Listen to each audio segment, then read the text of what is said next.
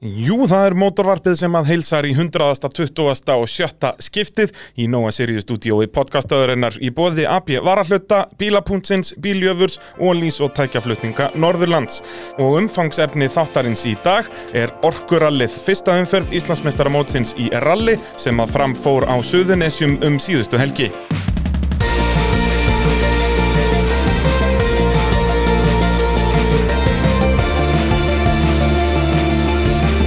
Jú, það er bara nákvæmlega svoleiðis og með mér til að tala um rallið fekk ég bara Magga Bró, komdu sæll og blessaður, Magnús Þórðarsson. Jú, sælir.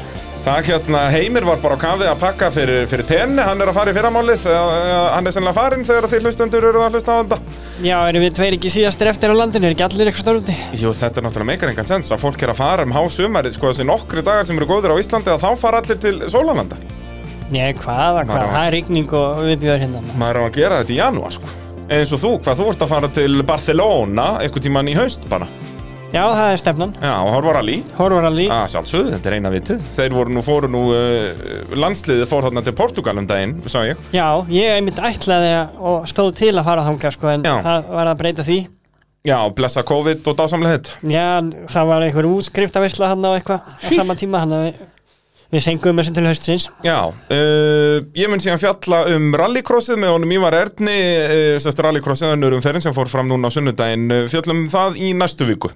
Þar sem að ég verð í miður ekki að bíladugum, hvetjum þó alla sem eru að ferðast um Norðurland eða skella sér á bíladaga, það verður hörku prógram þar, bílasýningin og verður driftsýning, það verður ekki driftkeppni, heldur bara uh, nær þetta rúlla vel, bara endalasta bílum í braut á tandema og ég veit ekki hvað og hvað. Engin spurning um að gera skella sér. Já, það er uh, nákvæmlega svoleiðis. Og ég held að þessi driftsýning verði líka alveg, það verður svona prógram sko, þetta verður þú veist að driftin í kassa og að reyna að leggja nálagt vegg og alls konar svona, þetta er líf og fjör að horfa á þetta sko. Og svo náttúrulega sandspilna og, og götuspilnan og allt þetta. Bara getur ekki klinkað e Þannig að rallið, orkurallið, fyrst aðeins fyrir Íslandsmótsins, Eh, við ætlum að fjalla um það hér í þættinum í dag. E, hvað voru þetta, 15 bílar skráður til leiks? Er það ekki rétt hjá mér? Já, var þetta ekki eitthvað nálægt því allavega? Ég held það að uh, nú ætla ég bara að fara yfir uh, ráslistan uh, Jú, jú, 15 uh, bílar skráðu til leiks uh, Tveir í jeppaflokki og restin í sagt grúpu A þá, eða sagt A og B-flokki, það ég kalla það bara svona heildin og þar sem sagt í þeim flokki voru 6 bílar og þá 7 er það ekki rétt að rekna þeim eru, jú 7 í AB varalhunda Já, náðu þetta svona miklu fjölda Nei, í 6, AB-flokknum? 6 og 6, þetta voru 14 Það voru 6, 6 og 2 jeppar Nákvæmlega. Búm. Uh, Tveggjadaga kefni byrjaði á föstudag og enda á lögadegi Þú náðu nú eitthvað að fylgjast með á föstudeginum. Jú, jú, og svona frá hlýðalínunni líka á laugadeginum, það er hérna bara æðislega gaman að hérna að tímabili sé byrjaði í fyrsta lagi og, og, og kemplungingarnir, Axtursjórnufélag, Suðurnesja, alltaf með þetta virkilega flott og gaman að hafa þetta tvo daga þó að fyrir dagurinn síðan svona stuttar leiðar það er ágætt til að koma mönnum að stað eftir veturum fyrst manni. Já og það er samt alltaf merkilegt Þú veist, nú er ég búinn að vera að fylgjast með þessu semst, sem fjölmiðlamaður síðan 2015 að, og það er alltaf keppendur tala alltaf um að sama á föstudagskvöldinu þess að fyrir alla bara svona já já, þetta er fínu uppbytun og svo byrjar rallið á morgun samt er alltaf staðan orðin bara tilturlega ljós eftir hennan föstudag? Það hefur verið það undanfarið að eins og segir að annarkvort út af afföllum eða einhverjum óhöfum en að sprengja dekka að gera eitthvað af sér sko að, að það hefur oft verið hreinlega sko já, ráðið allan í öðrum flokknum eða einum af þeirri með flokkum.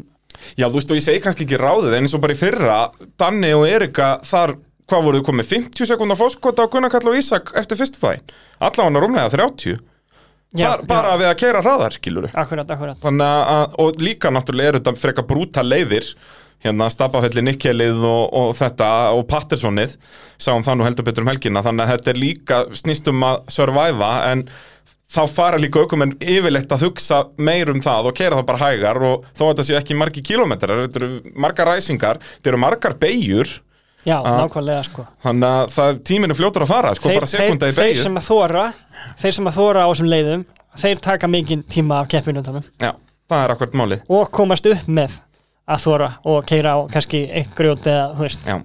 En síðan sáum við líka alveg, þú veist eins og sérstaklega AB varalutaflokknu núna að það voru alveg tvö stór moment þar sem hefðu geta klára keppnina hjá viðkomandi ökumunum og það eru bara þeim sem enduð í fyrsta og öðru sæti. Uh, Óskar og Átni beigja spinnu og vesenast á stappafellinu og, og bara sleppa með það. Og sömulegis náttúrulega Birgir og, og Daniel Jökull.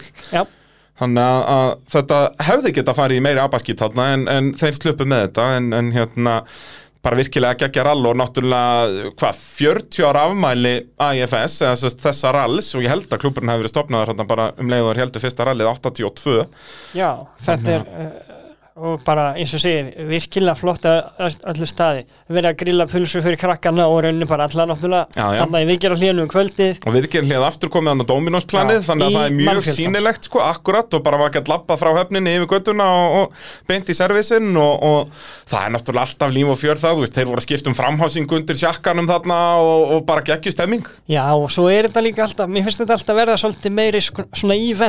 tveggjadaga keppni, bílarnir skildir eftir má ekki gera við um nóttina. Þú veist, þetta verður alltaf svolítið meira svona svona spennandi finnst mér. Algjörlega, frekar en þú veist eins og næsta rall sem er meira hugsað handa keppendum í raunin að hafa þetta þægilegt og ódýrt fyrir keppendur en þá er þetta ekki svona eventskilur þú veist þetta það er bara einn dagur upp á Kaldadal. Akkurat mæta átt á að vera búin uh, þrjú, eða þú skilur mig, einn dagur. Akkurat, akkurat. en það er aftur á móti rally sem er sko jáfnvel ennþá skemmtilegri samt aksturlega að sé leiðarna Já, og þá ert að fá 100 km á alvöru rallilegðum með fullir virðingu fyrir þessu nikkel og þessu dótið þarna skilur en ég held að flestir viti hvað ég menna nákvæmlega og já, sko en á móti kemur hjá AFS er, ertu með þess að þannig að við gera hlið og, og, og park fer með yfir nóttina og það er, þú veist, þó að þetta hljóm ekkert spennandi kannski, en þú veist ég, bara líka frá því við vorum krakkar skilur maður man alltaf meira eftir rally Reykjavík og þessum röllum bara, þú veist, þegar það er búið að gera smá svona í kringum þetta skilur. Bara eins og fyrir krakkana sem krakkar maður mann þetta sjálfur. Maður var að sníkla samt í kring í einhverju viðgera hlýjum alltaf kvolfi, þú veist. Og maður Þetta- man eftir þessu skilur. Þetta er bara það sem að drífa fólk að. Alveg, 100% og þú veist, meðan að pappi var að segja hendjusögur við keppindurnar og við vorum hann að pingu litlar að hlusta sko. Bara dásamlegt já, Það er akkurat málið. Hérna, byrjum þá bara í jeppaflokknum. Það voru náttúrulega bara tveir bílar, þannig að flokkurinn gilt ekki til Íslandsmeistara. Það þurfa að vera þrýr bílar þar. Uh, náttúrulega Helgi Óskars mætti þarna með Malin Brand. Uh, Helgi náttúrulega kaupi bílinn af ykkur, eða af Gumma, uh, gumma uh, Snorra. yes, það passar, hann keipti hann hann fór á honum í haustrali fyrra Já, og hérna já, þeir voru eitthvað búin að vera dundi í honum í vetur hann er með, hann, Jón Bjarnar með sér að hjálpa sér hann að skrúa á svoleiðis og já, mér skildist að hafi eitthvað, eitthvað verið búið að eiga við hann í vetur og laga hann til hann. Hann var náttúrulega og seldur til helga í því ástandi sem hann var bara beint eftir jepparalli sem voru náttúrulega ekkert smáraði 400 km á sjálfum já, þannig að það var alveg, alveg tíma á að snýta honum. Akkurat. Og hvað, já, Gummi Snorri tekur þá náttúrulega tvo jeppana hans uppi og náða að selja þá báða eða ekki. Er ekki uh, okkar maður Sigur og Nátni sem á þann sem að hann kefti á í haustarunni fyrra, bláa? Jú, passar, passar, hann keipti hann af honum og já, þeir, þeir seldust í rauninni hann fekk hérna, þetta er mjög, mjög gott, uh, góð strategía sko að hérna, að lána einhverjum villisingum hann í haustrali í fyrra gegn Jep. því að laga á svona mestu leiti og, og hérna og sem er eftir haustrali að þá hérna, þá selta það báða bara tiltölu fljótlega upp úr því sko Og Sindri Jón Gretarsson uh, kaupir uh, rauðabílinn sem ég mitt fór á. held ég, reyndar heyrði ég sko fyrst að hann, hann heitir Albert, frekar en Alfreð ég ætla að lendi Albert Já, reykur hjólastillinga vestæði upp á höfða mm. ég held sko að hvort þeir hafi keift hann saman eða hvort að ég er ekki alveg, ég held, ég held að þess að þessi Albert hefði keift rauðabílinn já, ok, og þá Sindri sér bara með henni í láni eða hvað? eða hvort þeir hefði keift hann saman eitthvað svoleiðis Já, já. En náttúrulega þessi Albert, hann var ekkit að keppa, þú veist, hann var náttúrulega Svafa Friðrik sem var aðstofur já, ég sá bara að hafa mertur honum hérna hjólastillingar Já, bílina, ok, það er, uh, Jésússon, vissi það ekki, sko, en, ja, en, það er bara spurning kannski tekur hann þá næstu keppni eða hvern, hvern, ég, veit Já. ekki, hvern, ég veit ekki meira sko en bara vonandi líka að fáum að sjá þessa bíl í jepparallinu. Það er náttúrulega Já. aðal málið. já, algjörlega, það verður skemmtilegt það er hann að hvað fyrstu Er ekki- rauninni fyrstu svona alvöru heilu helginni í ágúst Já, er þetta ekki hel, helgin eftir Vestló, já, þetta er hann eitthvað í kringum tíunda allir eftir eitthvað svo leiðis. Já, fyrir, verslunumannhelgin er alveg um mánuðamótin Já, já, ok, þannig þetta er sjöunda áttund eitthvað svo leiðis. Hvernig er það? Er það þyrkjadakeppni eða tveggjadaga? Ég er búin að gleyma þessu. uh, Þetta er sko, í raun, uh, ef þetta er eins og í fyrra þá eru þrýr dagar en fyrsti dagurinn er svona sem þau kalla bara prologue Já, akkurat. og þetta er bara nokkra ferður um kvartmílubreyndina bara aðeins shakedown Er það þá að ráða rásur eða þær ferðir eða? Já, og tíminn telur sko Já, já. En meira svona eins og þú segir að þetta eru bara nokkri kilómetrar Já, þetta er, þetta er svona eins og til dæmis ef að í AFS-rallinu væri bara að keira tvær ferðir um höfninu á föstu degi og ekkert meira. Akkurat, akkurat En það er líka kannski mikilvægt í svona keppnum að, að ákveða rásröð út frá tímum Já, og já, bara ég er algjörlega hlindur sem bara líka í ralli, sko bara, Já, þar, bara þar, sem, að- þar sem að þessu er við komið. Já. Geta keirt ringi, þrjá ringi á veist, eitthvað svona Með smá. þú tröll alls svona búið tilbaka eitthvað skilur Já, það er meira svo svolítið mikið, sko. Þetta var bara algjörlega bara pínulítið, skilur, en bara svona aðeins til þess að komast í gang og það, sést, það þarf ekkert mjög langa vegaleng til þess að sjá eitthvað sem að, veist, myndi tapa mínútu og djúpa vatnun á þig. Það sést alveg líka á tímanum þó að sé stuttleið, sko. Já, þú veist, ef hann er að tapa 15 pluss sekundum á kvartmjölubreytinni skilur að þá veistu, ok, já, hann ræsir öruglega fyrir aftan þennan. Nákvæmlega, sko. En já, förum þá yfir sem sagt, þennan jappaflokk. Uh, Helgi og Malín uh, þau, náttúrulega Helgi hann er ekki traðastjókumadurinn en hann er sennilega svo ökumadur sem er mest gaman að því að sitja í rallybíl.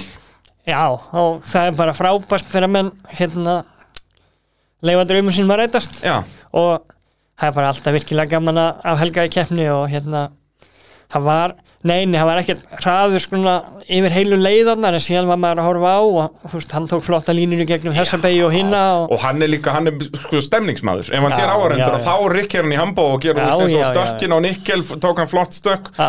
og þar sem ég var á Nikkel slæta hann alveg út í lúbinu og ég veit ekki hvað og hvað sko. algjörlega, það er bara hann er ómissandi hluti af þessu hvort sem hann er sjálfur að keppa eða bara í kringum þetta. Já, það er akkurat málið, akkurat málið. Eh, Síðan voru þau nú í ykkur basli með bílinn. Ég sko teku viðtal við Helga á föstudagskvöldinu og þá talar um að hann ætla bara að keira annan daginn bara á afturdrifinu. Já, það var eitthvað bara sorðið með pinjónsleguna út úr framdrifinu og ég eh, var að að bruna heim með, með ungan hann áður en að náðist að klára þá viðgerð en ég, ég var hreinlega veit ekki hver, hvernig það stóð. Nei, hvort að það hafi gengið og, og hann hafi verið, verið fjórhjóladrifin á lögadeginum en það náttúrulega, hann kerði náttúrulega ekki mikið á lögadeginu Nei, ég veit ekki, var þetta ekki bara strax á fyrstu ferðinni sem að stoppaði? Og alveg bara snemma á henni sko. Já, já, akkurat. Að, hérna, að þá fer skipting segir. þannig að það er raun ekki tengd bilun þessu, þú veist, það er náttúrulega millikassu allt í þessu, þú veist, það er Já. ekki sjálfskiptingi nætti ekki, þetta tengist ekki neitt einhverju framdreifsbilun eða, eða hvort það væri Nei, það ætti, eins og, þeir, eins og Helgi hefur verið að stefna á sjálfur og þá keirir bílinn bara afturdrifin ef, að það- það er upp á teiningnum sko. það er líka bara gaman. Að hérna uh, ég veit ekki hvað hefur komið upp á. Þeir voru, ég veit að þeir skiptu um skiptingu í vetur sko, Já, og færið á milli hérna til þess að geta notað hann svona eins og beinskiptan og allt þetta. Akkurat. Þannig að, já Það er spurning hvort að það sé þá einhver tenginga það ekki... bara, hvort þeir hafi verið bara svona hrikal óhefnir að, að þetta nýra á bara lélega skiptingu sem þeir sett í, er náttúrulega ekkert þú kaupir ekkert nýtt í þetta. Nei, það er svolítið svo leiðis en hérna gríðilega svekkjandi að sjá þau uh, falla úr leik þarna og, og sömu leiðis náttúrulega Sindri Jón Gretarsson og Svavar Friðrik Smárasson á uh, rauðajappanum Já. uh, Þeir voru hins vegar að keira hörku vel. Mér varst þeir bara al, algjör snild að sjá þá. Hann svafar í aðstofurökmarsætinu náttúrulega vanur. Já, og, og hefur keirt með alveg þó nokkuð mörgum já, já, nákvæmlega og, og, og svona nokkun veginn allir í flórunni þú veist, ég held að hann hafi setið eitthvað með Sigvalda í turbóbíl Já, já, og síðan í og fór hann ekki líka með Sig Sigurd Arnar, ég held jú, það. jú, einmitt passar og Já. ein, einhverjum non-turbóbílunum líka hefur setið þannig að hann er Og alveg með jeppa, er það ekki? Ég held að hann hefur sittið jeppa áður líka jú, gott ef ekki Hann er búinn að vera Já. eins og ég segi Hann er svona pínu öndir þið reytar eða þannig En hann byrjaði þarna Hvað, sennilega eitthvað í kringum 2015 myndum að rata kannski upp úr 2015 einmitt, og, Og búinn að vera duglegur einmitt að bara keppa með alls konar fólki. Já, og á alls konar bílum og það er fyrirmætt, sko. Já, algjörlega. Og hérna, og virkilega mikilvægt fyrir aukumann eins og Sindra sem er komið nýr inn í þetta að hafa vanan aukumann, aðstóra aukumann segi Og Sindri bara, ég myndi segja sko ef við tölum um svona menn keppninar að ég set hann í annarsættið á þann lista hjá mér Ég kef það upp síðar í þættunum hver er í fyrsta sættið á þeim lista hjá mér En, en ert þú ekki svolítið sammála því að hann var bara einn af mönnum keppninar? Já, hann bara, keirði bara frábælega og bara í fyrstu keppni, ég, ég, þekki hann ekkert svona veit til þess að hann er tækja kall hjólari eh, á sleðum og veist, með eitthvað breytan jeppa og Já. þú veist hefur verið í kringum allir sem tæki og greinilega kann að keira þau hratt Já, og hann bara, bara frábært að, að, hérna, að sjá hvernig tók á þessum rauðabíl sem er nánast standard sko. Já, hann er eina, er ekki bara eina almennilega breytingin er fjöðurinn aftan Það búið að setja ykkur bumpstopp þar eitthvað þannig að hann fjæðrar aðeins betur aftan Jú, Síðan er tiltölu, er ekki kannski eitthvað aðeins Nei, það er ekki svona shift kit í þessu, nei. Og, nei, ég man ekki einhvern tíman á lífslið þessa ágæta bíls var í honum stýrismaskina sem að fækkaði hringjum. Já, eitthvað svona, en, En þú veist, þetta þannig, er- en, og þetta er meira sem er þess að minni var fátamótorinn eða ekki í þessu? Það er Jú. hægt að vera með aðeins stærri. Þetta er ekki stóri eins og kemur í Sirokki Orvis. Ég Já. held að hann sé 5,8 lítrar þetta er 5,2 Já, akkurat, það getur passa Já. En það líka, þetta er alveg agalega máttlust Ég prófaði náttúrulega Já. kefti þessum bíl í, í fyrra Og það er lítið að frétta þarna, sko En þetta er, að sama, þetta er þó samt sko sami mótor og er í gulabílum með Helga nema sá er með, með knastás og, og, og fleiri og einhverju Og flækjum og já. betra hetti og eitthvað, Það er búið að tjúna þann mótor Já. Og hérna, og síðan náttúrulega bremsurnar heldur ekkert spes í þessu Þú veist, þetta er Nei, mjög nei, standard nei, Já, já, þetta er bara þetta er nánast bara veiði bíl með veltibúri sko. En það líka er ennþá magna hvað hann komið svo áfram hann sindri og, og bara línurnar hjá honum gegn beðunar, bara virkilega flottur sko. Algjörlega og bara sýni líka sko að hérna það er vel hægt í þessu að, að mæta á einhverju svona þú getur búið til svona bíl fyrir bara það sem kostar efni í veltibúrið og fjóra kónitempara Já, og mætt til að hafa gaman. Ég segi ekki á mæti til þess að alveg keppa þó hann hafi vissulega verið virkilega hraður. Já, að þú veist, þetta er menn horfa oft framhjóði að bara spá ekki í þér hinnlega að þetta er í rauninni ódýrasti punkturinn inn í rally sko. það er nefnilega svolítið svoleiðis, þú veist, menn horfa alltaf að bjöða varallutaflokkin en þetta er eiginlega ódýrað, þú segir, þessi Cherokee er original, basically, það er eitthvað aðeins búið að dötta á honum hér og þar. Uh, en þú veist, ef hann fer eitthvað eins og á nikkelinu, þú veist, í akkopnaður geggjaði klippa á honum hann á litla jumpinu, þegar þú þarft að lendi í bremsvakjum strax kröpp hægri, þar þú veist vissulega fer hann flattat á jumpið og bremsar og það gerist mest lítið og hann fer hann vel út í kant og eitthvað. Þarna hafði AB varahlutabíl hugsanlega kannski byggt spynnu eða eitthvað svo leis kannski ekki, það er ekki mikið að grjótum hann en þú veist svona mistök og eins og djúpaðatnin og svona þau refsa nánast ekkert á svona hásingabíl nei, nei, nei, það þarf mjög mikið að ganga á hann og ferða, ferða hérna að beigja eitthvað eitthvað að gera sko. ég segi það. Það er frekar menn hafa verið að lendi í því að, að bara að þetta losnar bara stífur og dót kilur eins það, og bara ég lendi í þarna í það haust þarf alltaf að hérna bara hver skipti sem má stoppar á svona jeppa þarf að herða upp á öllum draslinu. Já, það er eiginlega bara svo leiðis og en já, eins og segi, það er vel hægt og sér eins og dæmi sannað þarna hann er bara á tímum sem að eru bara alltilega tímar í non-turboflokk já, ég var einmitt að fara að nefna það ég er með tímanæðina fyrir fram að mig á, og- bíl, á bíl sem er sko hann kostar eins og einn dempar í einn non-turbofbíl sko. já, í rauninni já, hann gerir það, er sagt út af flest allir, allan að bestu noturbílarnir eru komni með alveg góða fjörun. Þetta er ekkit lengur bara 50 mm bílstein dæmi eitthvað, þó að það sé líka alveg tiltölulega dýrt. Já, já, já, nákvæmlega. Það, það er orðið eh, mikil og bara þörf uppfærsla á þessum bílum er búin að vera núna síðust ár. En eins og ég segi, þessi jeppi í höndunum á Sindra, hann var með þriðja besta tíma á fyrstu fyrir djúpa í AB varahlutafloknum og bara tveimur sekundum eftir Almari. Hann var á pari við Almar, það var inni bara Óskar og Otni sem voru hraðari. já, Vist, hann tekur Vikar og Birgi, hann er með hraðari tíminn þeir báðir. Og þeir voru í hörku slag og, og voru að keira eins rætt og þeir gáttu skiluru. algjörlega, Þannig að vel hægt Já, vel hægt og, og enn og aftur bara geggjaður aukumæður hann sindri ég vil helst sjá hann bara í AB varahlutafloknum bara þannig við sjáum hvað hann stendur þú veist, ég hugsa að með þessum hrað, þú veist, það er náttúrulega ómögulegt að spá fyrir um þetta, en þú veist, hefði hann ekki verið í öðru í AB hann var, hefði allan að vera að berast um og jafnvel verið bara aðeins nær Óskari en þeir sem voru þar, sko. Algjörlega sko ápalli, alveg pottitt Mhm. myndi ég halda og já, þú veist það var bara, það var bara virkilega flottur akstur á honum hann, eða þeim tveim. Ég segja það, hann allavega alveg, alveg framtíðina fyrir sér og verður Ja. virkilega gaman að fylgast með honum í sumar. Ég bara vona að hann fari alveg þetta fara að keppa alveg á fullu út af því að við þurfum að sjá þennan ökumann, já meira honum. Vonandi hann hafi fengið bakteríuna. Já, það hlýtur að vera. Þetta, þetta er svo dásamlega skemmtilegt. Hérna, eigum við þá ekki að skella okkur í AB varahlutaflokkin jú, en er það ekki? Það er nefnilega stór magnað Það ræstu sex bílar og allir sex kláruðu. Já, það var nú bara bara sjaldkæft og það var nú, það nú ekki lengra síðan en bara tæft ára þá ræstu eitthvað áleika markir og enginn kom í mark. Já, það er enda allir á topnum nánast.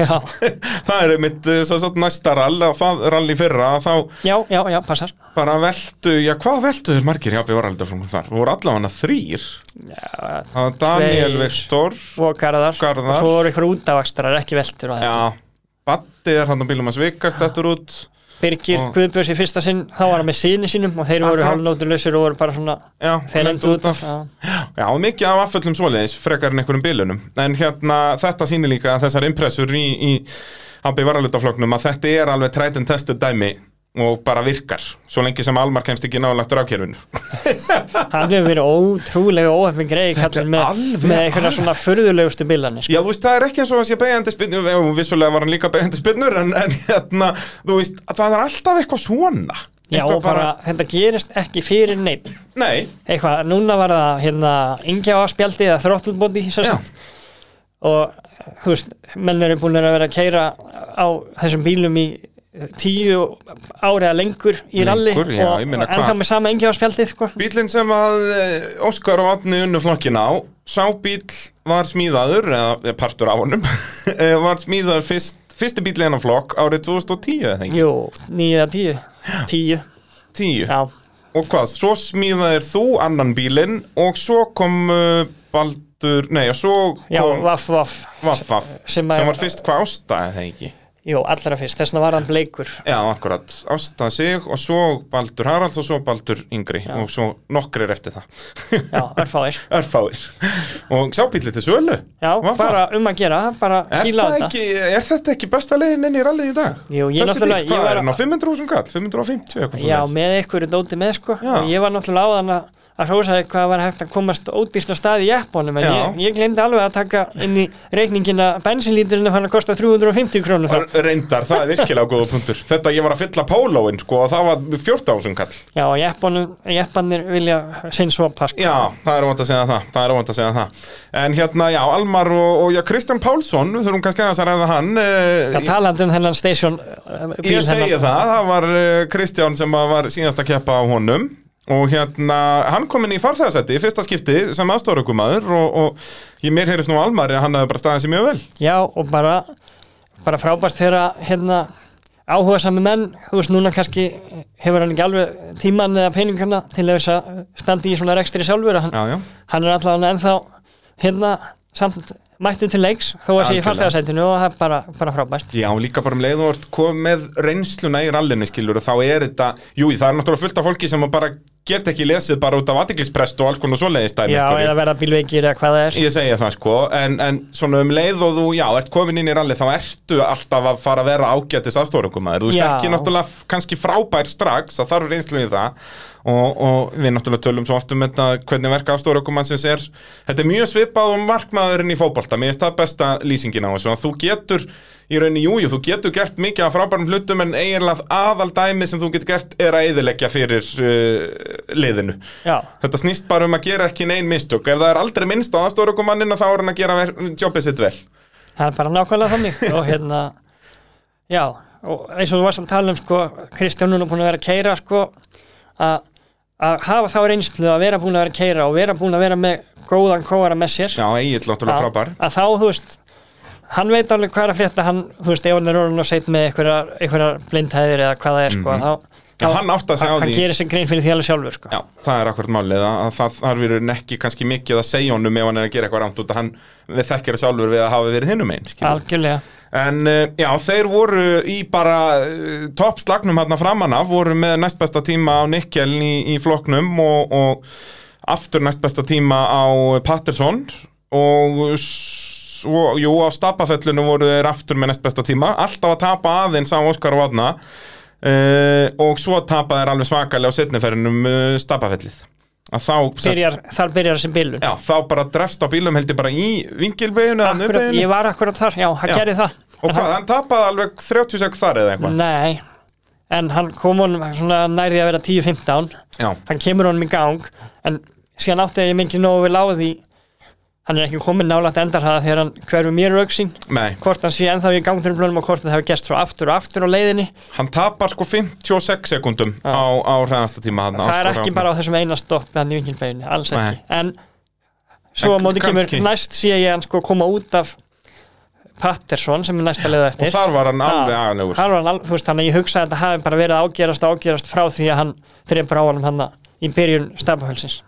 Og svo færa náttúrulega refsingar fyrir að koma á sentin á höfnina. Út af bara bílinn þá er sérst þetta ingafa spjald orðið fast og, og semst fast alveg lokað. Og þá náttúrulega fær bílinn bara ekkert loft og þá bara konar niður og fer ekki í gang. Þannig að, eh, já, bara virkilega svekkjandi. Tímarnir hans á djúpavatni voru síðan bara nokkuð góðir, er með næst besta tíma á fyrstu ferð. Uh, en svo heldur sinna áfram, hann kemur náttúrulega út af fyrstu ferðinni með bókna spytnu það var dásamlegt viðtalið sem að Já. honum var með í beinu útsendingunni sko þegar hann kemur. Ég, sérst, ég sé að það er bóið spytna hann var ekki hrifin af þessu. Nei, og hann, ég kem svona, hann maður, hann bóið spynnað aftan. Frábært hvað er, ég ná ekki að redda því. Nei, ég er ekki með servis hérna megin. Þannig að hann vissi að þetta er alveg vita vonlust Þetta er náttúrulega bara agalegt að Sigurinn Átni okkar maður mæti ekki með gáminn bara með sér Bara færi eitthvað fylgir Jóns eða eitthvað bara til að hafa gáminn aftan á okkur um trukk. Hann getur nú redda tröknu sjálfur og síður þetta er bara engin þjónustæð Ég með. er ná, nákvæmlega sko bara elda rallið með, með gáminn Út að gámurinn eru tómur eftir all, þetta er, 100% þetta er garanteru tæming og sala og öllu gamnum Ég held það sko, síðan bara, þú veist, klína auka 30% á hvert hlut og það, þetta er bullandi business. flutningsgjald og Ég segi það og bara, og bara, þú veist, uh, ísetning ísetning og allur pakkin, sko, hann myndi svoleiðis halinn þegar við erum að gefa Sigurðurinn gott business opportunity hérna. Já. Það er hann sem er að ég gefa ætla bara að tóa strax með að kaupa hlutabrifis Já. uh, þá næstir uh, í röðinni koma bræðurnir, Halldór Víkingur og Sigur Geir Guðbrandsinnir á Subaru Impressa nýlegar í, í rallinu og enda þarna í áttunda sæti yfir heldina og fymta sæti í flokknum. Uh, bara geggjað náttúrulega fyrst að sjá nýliða og, og á þessum bíl kaupa bílinn af Guðmundi Eliassinni sem að kefta hann af Ívar Erni sem að varð Íslandsmeistar á honum. Einmitt, einmitt. Og bara, já, bílinn í notkun komin í keppni aftur, frábært og þeir að gera þetta bara eins og maður vill sjá nýlega, þeir eru ekki kominir út af í, eh, veist þeir klúruðu þess ekki strax á förstum deginu fattar með Já. eða ykkur svoleiðis. Tóku því aðeins rólega bara og komast allavega í staðin og dýrimætt reynsla. Já, og einmitt gera þetta, veist, mér finnst alltaf leiðilegt að sjá nýliða koma inn á kannski nýsmíðum bíl og, þú veist, bílinn er ekki vel undirbúin, þú veist, mér finnst það alltaf vest, stærstu mistök sem nýliðar gera, það er að, að þú veist, kunni ekki að meta undirbúningin bara eins og ég gerði á sínum tíma, skilur það fór bara heilt tímabil hjá mér í vaskin út að ég kunni ekki að skrúa að þarna, þú veist, mér þeir gera þetta svo rétt að kaupa bara eitt besta bílinn bara sem er mjög vel preppaður og bara allt er tildulega tipp toppuð þetta faraðir yfir hitt og þetta og svona en, en mér finnst alveg agalegt að fylgjast með nýliðum vera dett út endalist út af bílunum þá er Já, allan að skarra að sjá það að fara út af sko. eða einhverju svona sem að sem að þeir hafa bara ekki átt að segja á fyrir búið að eða kannski Já. pening í búið að vera að kaupa kannski, við skulum taka svona dæmi búið að kaupa einhverja dempara Já. að utan eða eitthvað skilur Já. á að vera ægilega fínt spurja kannski einhverja ráða Já, og svo brotna þeir í fyrstu hólu Já, út af þetta er ekki fyrir íslenskar aðstæður, ægilega sko. leðilegt þegar það kemur svona upp á sko. Já, það er ferlegt, þú veist, ég man það var eitthvað allirna upp úr aldamótum sem eitthvað datt út bara út af því að hann var búin að sprengja öll dekkin sín út af hann mætti í keppni á götudekkjum já, já, veist, já, út af hann bara vissi ekki betur skilur, og, og, og það er einmitt, þetta svona hættan við nýlega og það, þetta svona brýtur hjartaði mér mest, sko þá er allavega hann skömmin eitthvað að mæta með allt í lægi og velta í fyrstu beigju, sko, að þú læri þá bara því og, og, og gott að blessa já, en eins og þeir gerir þetta bræðinir Já. það er eiginlega bara allra best Ég þó það. að sé aðeins hægar til að byrja með þá keirðu þeir allar leðarnar mikilvæg reynsla þar Já. að hérna og svo bara hægt og rólega bæti í og, og hérna bara frábært. Já, heldur betur, ef við förum yfir bara djúpaðasferðirnar hjá þeim uh, 1745 í fyrstu ferð, 1748 í setni og 1743 í, í síðustu. Já, mjög stabílir svona Já, og bæta sig um hérna 5 sekundur sem sagt Það sem djúpa er- já, 2 og ok. 3 eru sömanlegin þannig að þar bæta sig um 5 sekundur þannig að bara virkilega flott. Nikkelið, síðast, síðasta leiðin þar bæta þér sig um 2 sekundur á leið sem að flest, eh, fæstir voru að bæta sig á þannig að hún er kannilega ölliti hægari í þá áttina. Já, þar var verið að keira í rauninni, það var ræst neðan við og keirt upp ef að svo má segja. Já, þannig að hún er örlítið hægar í þá áttina Já. að ég er held og þar bæta þér tíman á milli þannig að mér finnst það mjög góður punktur líka semst fyrsta og síðasta selið uh, Ég held að þeir bræðurnir Halldór og Sigurgeir er, ég, mér skilst það, ég fekk þetta nú aldrei staðfest en það var fínt að tala um þetta hér út og þá fæ ég öruglega postum að, að ég sé að tala út úr raskatina mér. En að þetta séu sinir Guðbrands sem að var kaupir hondun af Stengrími á Hólmavík. Þetta er það sama og ég heyrði að það, hondan á sínum tíma var hún var gerð þá út frá Hólmavík. Já, já, og ég held að það sé ég, já, ég heyri þetta allan og mér finnst það alveg að geta stemt sko. Það er geggja þá að, að fá næsta ætlið niður og, og líka gaman að sjá bræður að keppa, sko, það er indislegt. já, já, það er bara, það er bara flott og þá er hægt að gera svona fjölskylduferðir úr eins og fer, ef það er náttúrulega fyrir þá er hvert einasta rally ferðalag Já, minnst kannski krókurinn. já, nákvæmlega sko að hérna að þá er mynd sko bara, bara frábært fjölskyldu hobby vonandi Já, það er eina vitið. Uh, svo koma Daniel og Einar. Uh, Daniel náttúrulega koma með nýja næstofrökumar, Daniel Viktor Herviksson. Uh, Einar Hermanns náttúrulega, við þekkjum hann vel.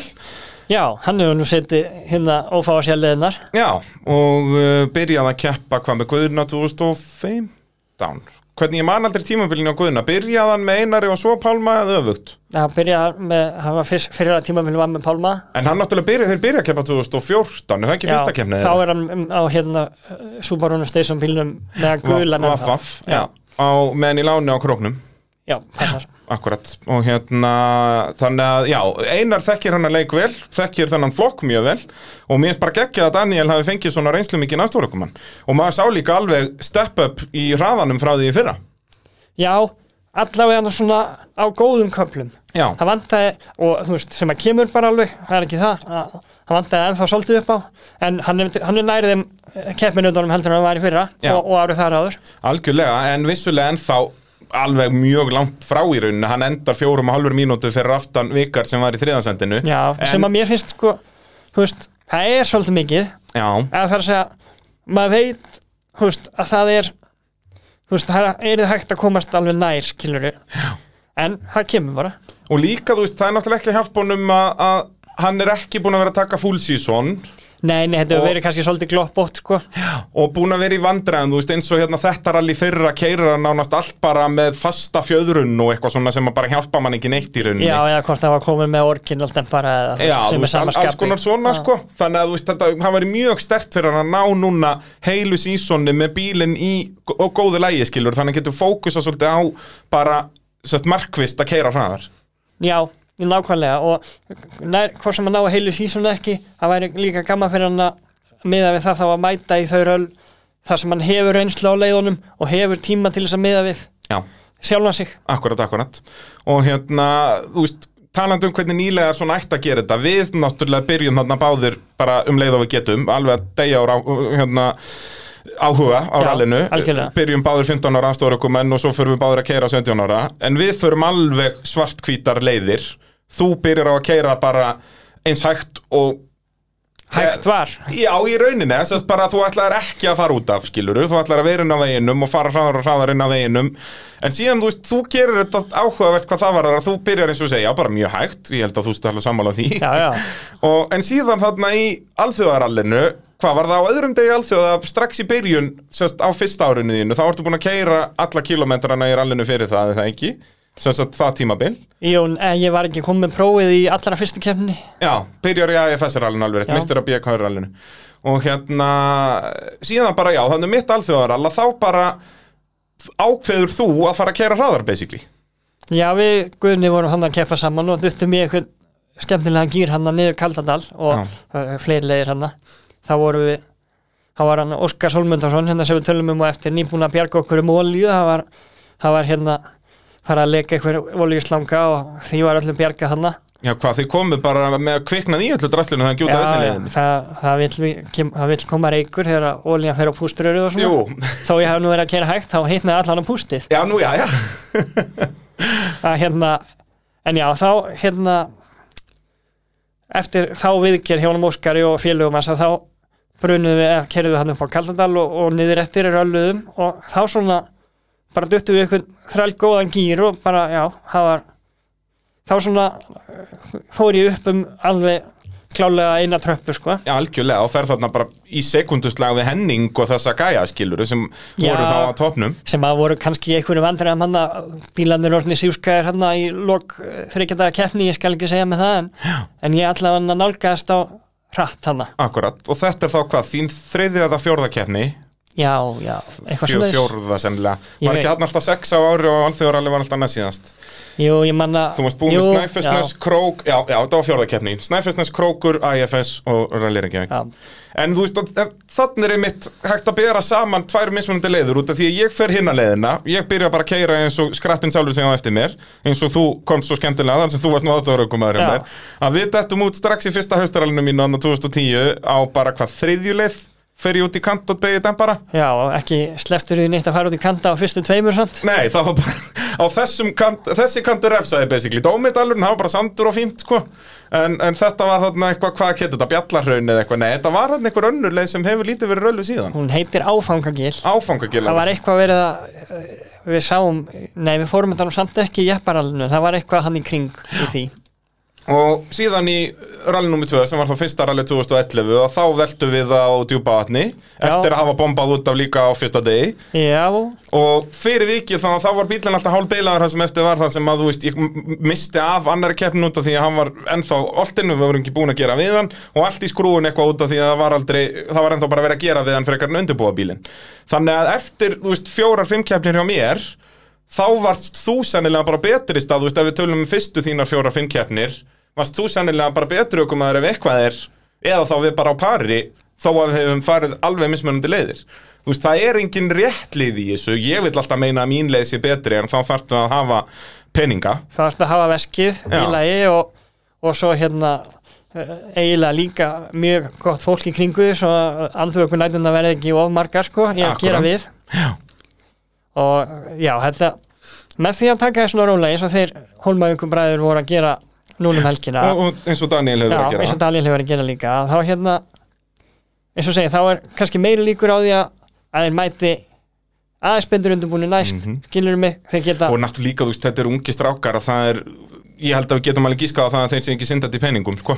Það er eiginlega alltaf bara ert Já. ungur, þá hefur kannski tíma og metnað og áhuga, Já, enga peninga Þetta er nefnilega agalegt hvernig lífið er sett upp. Ég hef talað um þetta hérna áður sko. Að maður, Og síðan verður maður eldri og þá var maður engan tíma En, en alveg ágættis peninga.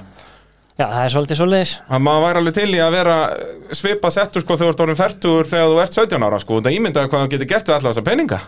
Og síðan bara vera orðin blankur færtur, það skiptir engum máli maður. Það er bara fínt. Já, nýta alla orkunna og tíman og skemmtilegitin þannig að þú ert ungur sko, en, en svona er lífið en hérna, þannig að já, eins og ég segi pointið mitt með þessum útudúr með okkar ferla var basically að það er ekki það er ekkit endilega verra að byrja hægt. Ef eitthvað er, er það bara betra sérstaklega þú ert ekki með pening með handana Já, þetta er, þetta er svona hérna, það er engin kannski alveg rétt leið en svona ef að þið langar til þess að hérna, eins og segi, bæði bara þrauka, það er ekki auðvelt að brenna sig bara út í þessu, eða þú ert að gera við eftir eh, veltu nummer 1 og nummer 2 jáfnvel sama sumari sko, að þá, þú veist, er áhugin kannski svolítið fljótt sko, Já. Hann ge- getur gert það allavega. Já, líka náttúrulega, þú veist, þó að sé kannski skrítið að segja það, þá held ég að sé alveg þannig að, að þú ert með einhverja félagðina með þér í servis og eitthvað og þeir svona hjálpa þér eitthvað milli keppna og svona, en þú veist, ég hugsa móðurinn fari þó að þetta séu bestu vinniðinir, móðurinn fer kannski aðeins úr þeim þegar þú ert búin að velta bílum þrísvar og eitthvað og þeir alltaf að reyna að segja, heyrðu, slaka það.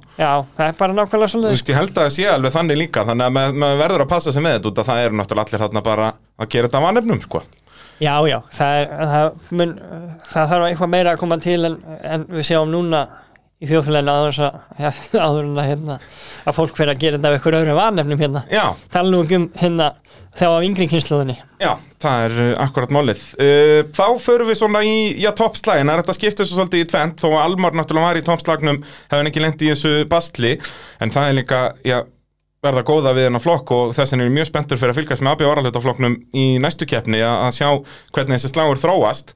En uh, það voru Vikar Karl og Hanna Rún sem voru í þriðasæti.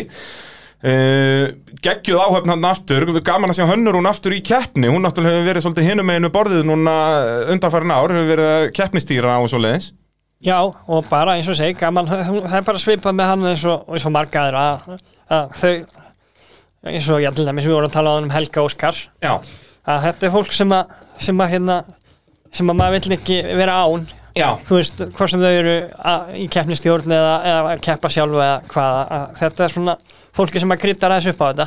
Heldur betur og náttúrulega eins og segi þetta, þessi áhöfn er bara match made in heaven sko. algjörlega. Vikar og Hanna, það er, það er nóga lífi í þessum bíl, það er rót að segja það Já, hérna hefur ekki vandað upp á það, hugsa ég. Nei, en hérna þannig er nefnilega áhugaveru slagur því að vikar uh, eru í hörku slag við uh, liðsfélaga sína uh, Birgir Guðbjörns og, og Daniel Jökul Valdimarsson uh, þetta er tím 99 þarna báður þessi bílar Algjörlega. og þeir, það endar bara með uh, 29 sekundum þarna á milli Já, það var svona tæft á því, já. Já, Algjörlega. Það, þetta, var, þetta var bara gaman að sjá og bara skemmtileg keppni þeirra á milli.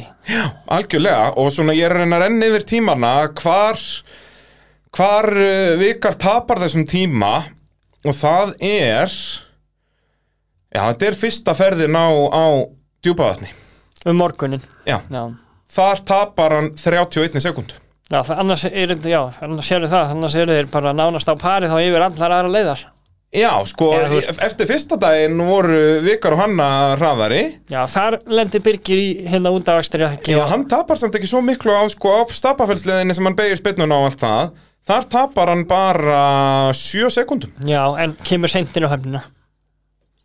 Uh, en er já, hann fær 30 sekundur refsingu. Já, En býtu nú við.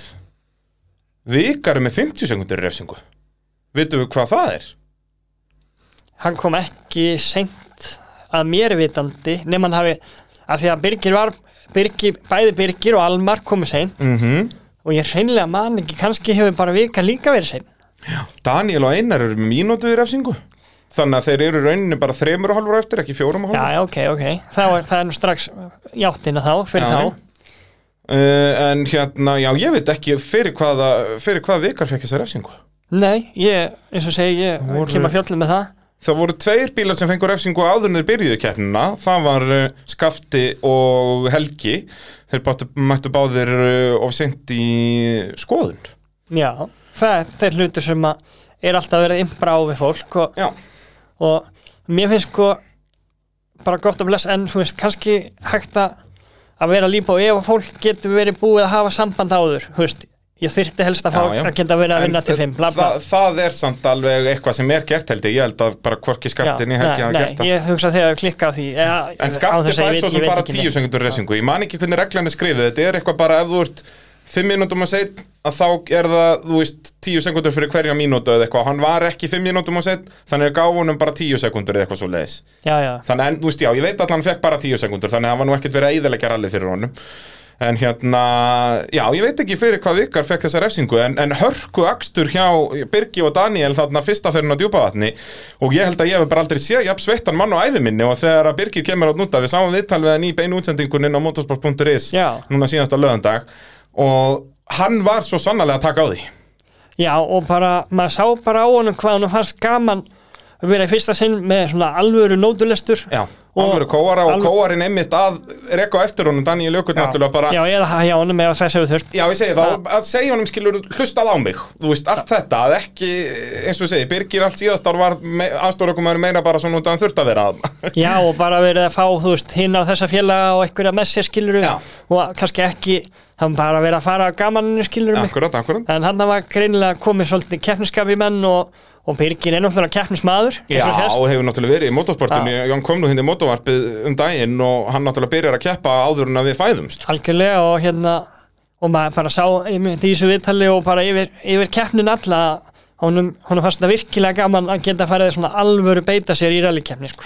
Algjörlega, og, og hérna bara komin alveg nýr Birgir í rallið frá því fyrra en hann síndi það samt strax eins og bara í kaldataþalarinu fyrra hann hefur alveg hraðan Já. og hann náttúrulega er hörku ökumar, hann er búin að vera að keppa í rallycrossinu í mörg mörg ár og, og hérna mikill svona tækja kall algjörlega Þannig að- að að hörku ökumaður en núna eins og ég segi er, er, svona, er hann komin með rétt direction að- og þá ve- verður þetta allt annað og eins og segi, hann nær öðru sætuna þarna, virkilega vel gert hjá, hjá þeim uh, og ef við kannski skötuðum aðeins yfir það hann er náttúrulega ekki síður, það er bara flott eins og hjá Vikari hann hefur hingað til svona ekki kannski náða að komast alveg á efsta þrep hraðalega séð Mm, í, í þessum flokki. nákvæmlega. En hann, hann algjörlega held sínum dampi þó að væri með nýja næstörukumann Mhm. og bara jafnvel hraðar ef eitthvað var. Og hann er náttúrulega frábær aðstofur Já, hann er búin að vera að keppa í mörg en það er samt alltaf smá svona þegar, nýja áhöfni er. Sama eins og hefur verið með Daniel og Einar Hermanns. Mhm. að, að þú veist þetta get, þú veist þetta, þetta kannski smellur ekki alveg bara á fyrstu leið. Nei, nei, en þegar eins og hann er með góða reynslu að þetta hefur, smollið öruglega tiltölulega fljótlega hjá, hjá þeim. Og náttúrulega hanna með líka alveg hellins keppniskap sko, þannig að það er, þetta hefur ekki þó að út af við er þetta allt bara svona brandarar og grín sko, að þá er þetta keppnisfólk hann inni. Það hugsa ég alveg, bara alveg fyrir víst sko.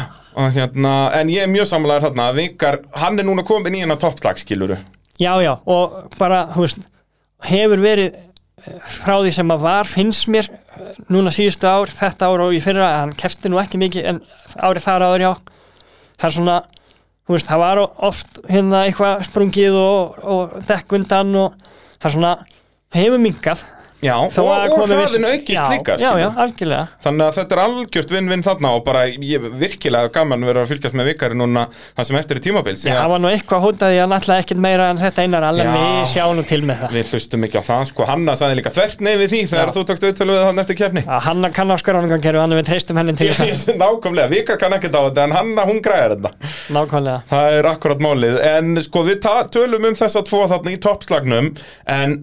ég held að það sé bara ekkert hægt að segja að þau séu toppslagnum þegar að þau eru fimm mínútum á eftir fyrsta setinu. Nei, þetta var algjör einstefna Já, hjá ögunum tveimur, Óskari og Átna og var ótrúlega flott rally hjá þeim Óskar náttúrulega virkilega hraður já og, Og var alltaf- við vissum það alveg að hann væri hraður en ég vissi ekki að hann væri svona hraður. Nei, þú getur ímyndaði sko að hann er að setjast þarna megin í rallybíl Já. í fyrsta sinn síðan 2010 eitthvað svoleiðis, Já. og þá var hann á framtrýs Pusjó Já. sem var nú oftar en ekki bilaður alveg rétt, ég glemdi því, hann veldur honum hann á Kaldadal á það. Já, einmitt, já, og hann var með síni sínum honum Otti svolítið á þessum Pusjó já, já, ég, nefnilega við heimir vorum að reyna að þetta upp í stúdíóin í beinu útsendingun hann á lögadaginn Ég man ekki hvort þetta sé 2011 sem hann er að Það gæti verið 10, 10-11 eitthvað svo leis Þar hann- Henningi komin á hann 12, er það ekki? Jú, jú, og Raggi M hann á milli. Já, jú, þetta gæti verið er- 10. Já, þetta er eitthvað svolítið Mér minnir það hann að var sett við með 12 ár og ég mitt var að reyna að muna, nei, býttu, var hann ekki síðast bara 2007 á Súbarónum? Það stemmir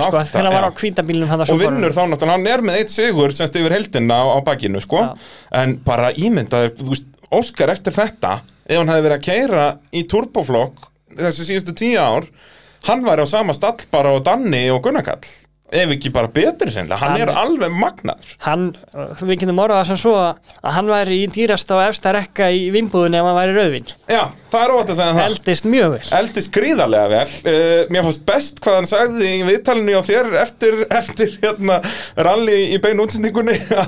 Já, það, þetta unga fólk er nú bara að fara að drekka eitthvað lýsi Já, það hérna Það þarf eitthvað að fara að hressa við þeim, það er nokkuð ljóst ef að þeir ætla að láta salta sér svona af gamlu kvörlunum. Já, og bara, hvað, ég held að þeir vinni 10 af 12 sérliðum eða eitthvað. Þetta var bara algjör einstefna og eins og við segi Bilið í annarsætti 4 mínútur og 55 sekundur Og við vorum að rósa Birgi fyrir að keira vel Já, ég ætla nú samt ekki að fara að draga neitt úr því. Nei, Hann er nú ég ég segi, nei, ég er, þetta var ekki diss á Birgi, þetta Nei. rósa Óskar, Al, algjörlega. Út af því að Birgir og, og Vikar sem voru að berast á mannasendi þeir voru að keira hraðarinn hafa nokkuð tíma gert áður og þeir hafa nú alveg verið hraðir Já.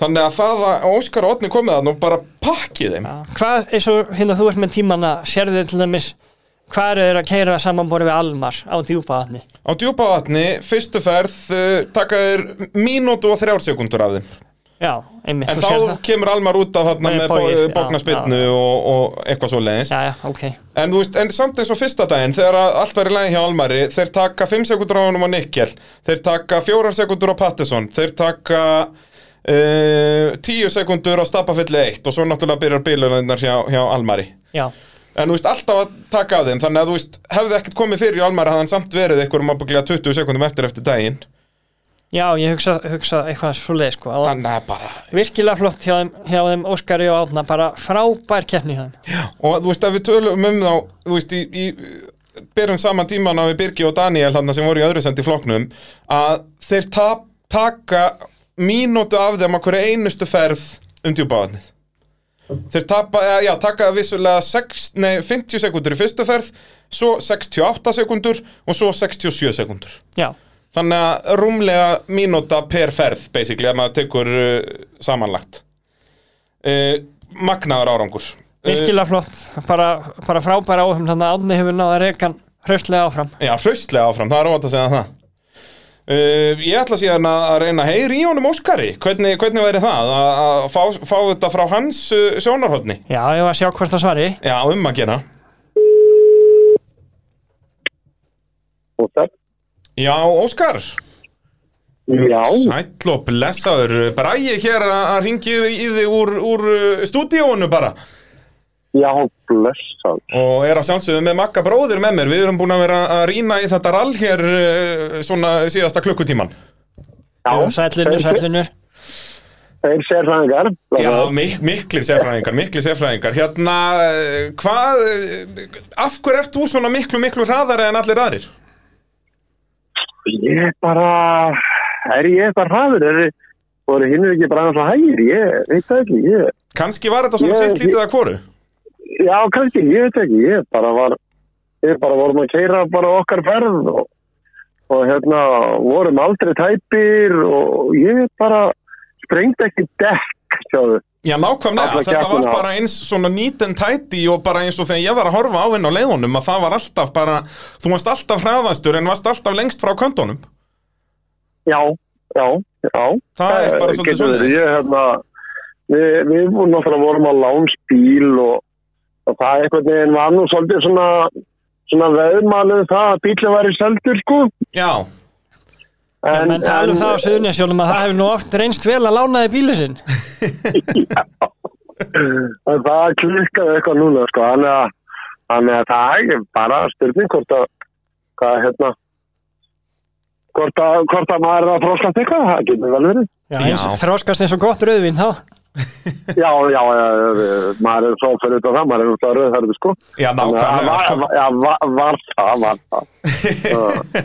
Já. Sannunargögnin eru að eyðast um það. Já, þetta kem, fer hægt og rólega.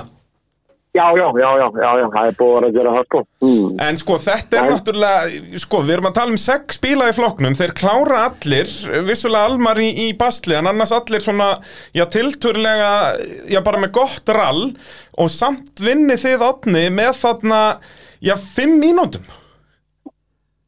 Já, já, þetta var, þetta komur óvart, sko. Ég Já. var bara vikinn það. Og hvað, þú Þeir keftir hérna- síðast, hvað, 2010 er það ekki, á Pusjónum þá? Ég held að það hef verið 2010 og ég held að ég hef farið í, minnum ég að farið í alþjóðarall Já, og, og, og Jómbi velti þarna á kleifavatninu á, föstask- á fimmtarskvöldi. alveg rétt og þá voru allir á söðunni sem vakandi eh, nóttin eftir það. Já, já, þá nóttina og, og, og ég velti á Kaldadals uh, daginn eftir. Já, og, og þeir eittu næstu nótti að gera við frambíl og ég held ég hafi svo reynd að ég fór í, tók síðasta daginn en ég náði ekki að klára síðustu leiðina, hann fór ykkur hjóla að yfirgefa bílinn og svona eftir eins og, krassi, þetta var eins og gengur og gerist með. Pusjónböðriðina. Já, þetta var nú svolítið stórt krass líka sko, það var Já. erfitt að erfitt að ná öllu á einni tíu, nóttu. sko. Já, þetta var líka Já, alveg, já, það, þetta það þurfti nokkuð mikinn hraða, sko, þú með við alla ringina sem þú ferð og, og ferð upp í mótið, eða það ekki? Jú, jú, jú, jú, jú, fórum við við sprengjum á, á leiðinni í áttan á húsavelli og þannig að það það var hlöðli komin svolítið langt fram fyrir okkur þannig að það þurfti eitthvað að fara að býti það tilbaka og, og, og, hérna, og það er eitthvað aðeins, það var eitthvað jarðfrast grjótarnúti kandi sem, að- sem að gaf sér ekki nei, það, það er nú yfirleitt svolega svona á Kaldadalnum. Já, Ekki eina grjóti En- þar. Nei, það er vist alveg klárt menn hafa margir farið flatt á kaldadalum sko. Jú, bara eins og við Og- sáum vel í fyrra til dæmis. Já, það er með þessi bíl sko sem ég var á núna um helgina hann, hann, hann fekk að þess að vinna fyrir í þar en ég held líka að það var eins og núna sko á laugadaginn Þessi, ég, við erum svolítið hissa þessu, það bæ, bæði á, á nikkel sko, ég, ég hafði aldrei kett bílun á möl og átni hafði ekki einu svona setið í bílunum fyrir fimm mínútur fyrir ræsingu og, og hérna, við höfum aldrei farið saman hann að og, og þannig að við svo sem vissum ekkert hvað vorum að fara að gera þannig að við bara gerðum þetta rætt og öruglega og, og hérna og tókum hérna einhverjar sekundur á almar hérna á fyrstu leið og, og, og eins og annar leið og, og þriðju. og, og, þriðju leið og, ég var bara svolítið hissa, ég nú bara viðkynna það, ég, ég bjóst nú ekki við því sko og, og hvað þá svona hraðri líð eins og stapafellinu sko. Um það hröður leið og, og þannig er Almar búin að eiga sinn bíl í nokkur ár og veit nákvæmlega hvernig hann lætur og hvað hann gerir og, og allt. En þetta var svona ég var, ég var hissa, ég verður að segja það hann Já, sko áður en Almar lendir í vandræðum hann á setniferinum stapafelli þá ert þú komin 19 sekundum á undan sko. Já, já, já Þannig að það er nú ekkert, ég segi það, allt bara akstustíma á öllum sem leiðum eru bara 2, 3, 4 mínútur sko. já, já, þannig að ég En Já, þetta, ég- þetta síndi það að, að þú hefur bara engu gleymt, þú náttúrulega varst alltaf í toppslagnum þarna, já bæði bara á kórólinu og svo náttúrulega á súparúnum, vest með að við sáum þið bara svo leiðilega lítið á, á impressunni, en þú náður allavega hann einum sigrimann í, í haustrali. Já, já, já, já, við náðum að þetta er og þá vorum við konið með STI-kassa í bílinn, vorum Já. bara með vennulegan Vaffer F-kassa. Já, þetta var náttúrulega bara við ekki alltaf- spillið það ekki, þannig að hann var bæði aðeins all minni og, og náttúrulega ekki með jafn eh, solid drifrás. Já, já, nákvæmlega og það var, það var hérna, eins og segið, við, já, ég bara, ég hef aldrei kynnt, sko, ég, ég kynnti þarna fjöðurinn, hverju fjöðurinn, það var öllins, öllins í honum og það, það er fyrst að getur mjög kynnt skoður fjöðurinn, sko, en, en ég hef aldrei kynst uh, andilegi eða dogboxi eða neina svoleið, sko. nei, nákvæmlega, Þannig nákvæmlega. að við, við erum það eftir, sko. Já, og einmitt gott, einmitt þetta var mjög vel orðað þér, Óskar, að þú átt það eftir, því að nú vil ég fara að sjá þig á alvöru bíl, sko, eftir þetta, þennan magnað akstur, að nú gengur ekkert að fara að fela sinni meira, sko. Nei, þetta, svo er þetta alltaf þetta, sko, eins og að vísu Danni, hann náttúrulega alltaf og, og, og, segir mann að hætta þessu röflið það að maður hafi ekki tíma eða eitthvað, sko. Það, það er bara kæftið, en, en, en jú, ég held að þetta komi nú þetta að við, við prófum 300 höftum og andilega og dróbúks, ég hef trúið því. það bara verður að vera. Hvernig verður svo með eftir, sest, af, af þessu tímabili, var þetta eina keppnin á þessu sísoni eða, eða verður eitthvað að keppa meira? Ég veit það ekki, við náttúrulega byggumst náttúrulega alls ekki við þessu, sko. Nei, Þannig að við ætlum bara að fara og keira hratt og, og, og, og, þetta hefði verið gaman að sjá hvar við stæðum á miður hérna en, en, þetta kom okkur mikið á óvart og ég, ég bara veit ekki. Ég meina, Garðar á náttúrulega bílinn og hann ætlar eitthvað að keppa og þannig að ég bara, það er nú mjög stutt í næstu keppni. Já, það, ég held að skráning sé byrjuð, þannig að skottastu bara inn á skráning.akis.is og grjótaltu kæfti. Já, það, það er eiginlega svolítið svolítið, sko. En það er, hún var nú eitthvað farin að finna fyrir í fjörunin, sko. Ok, þannig að það var- geti eitthvað þurft að taka hann upp.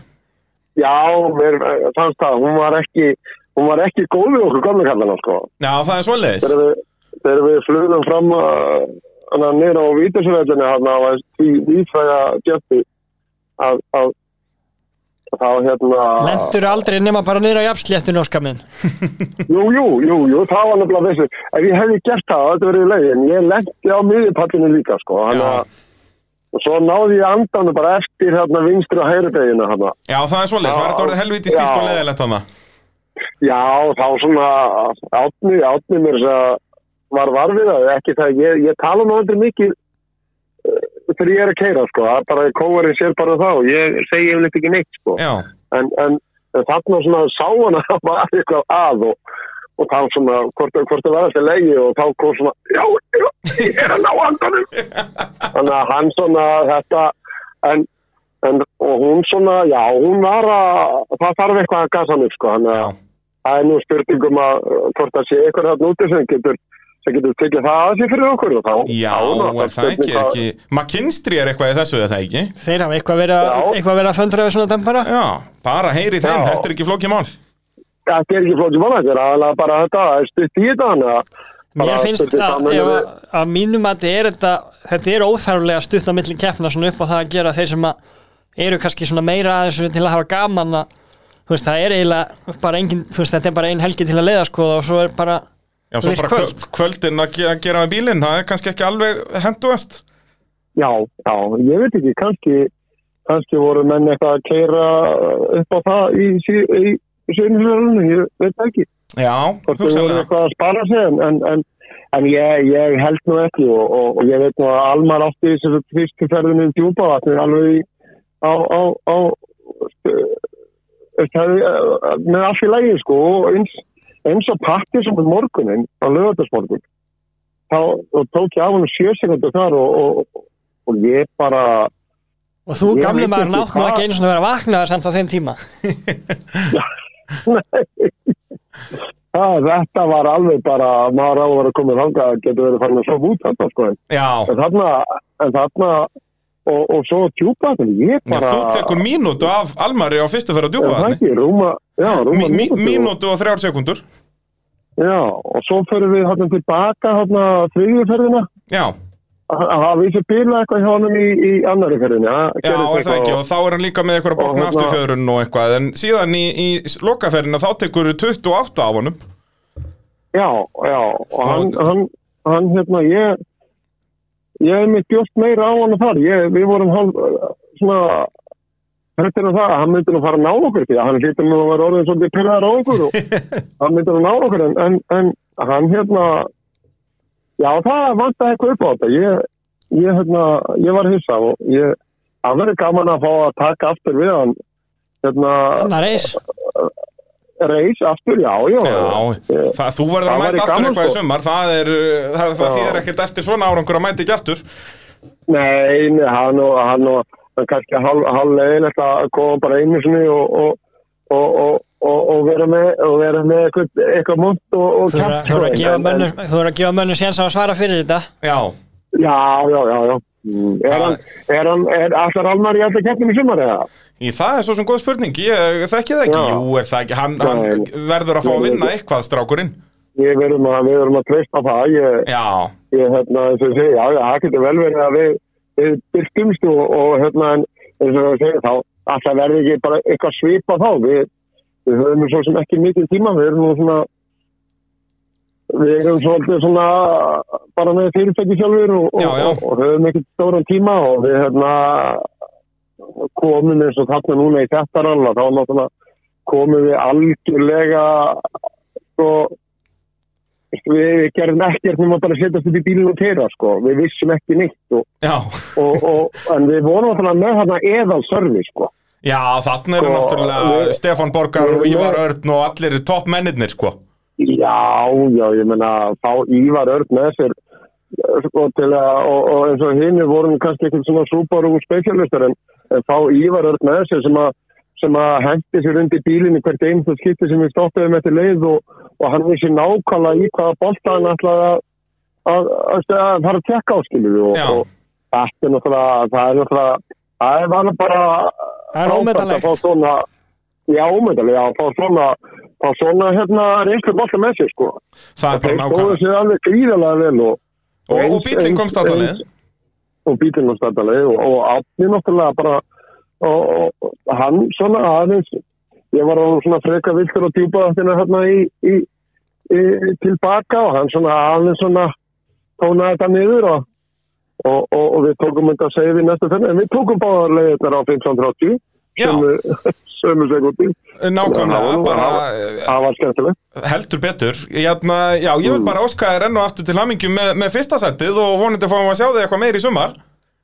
Já, takk fyrir það. Já, já, já.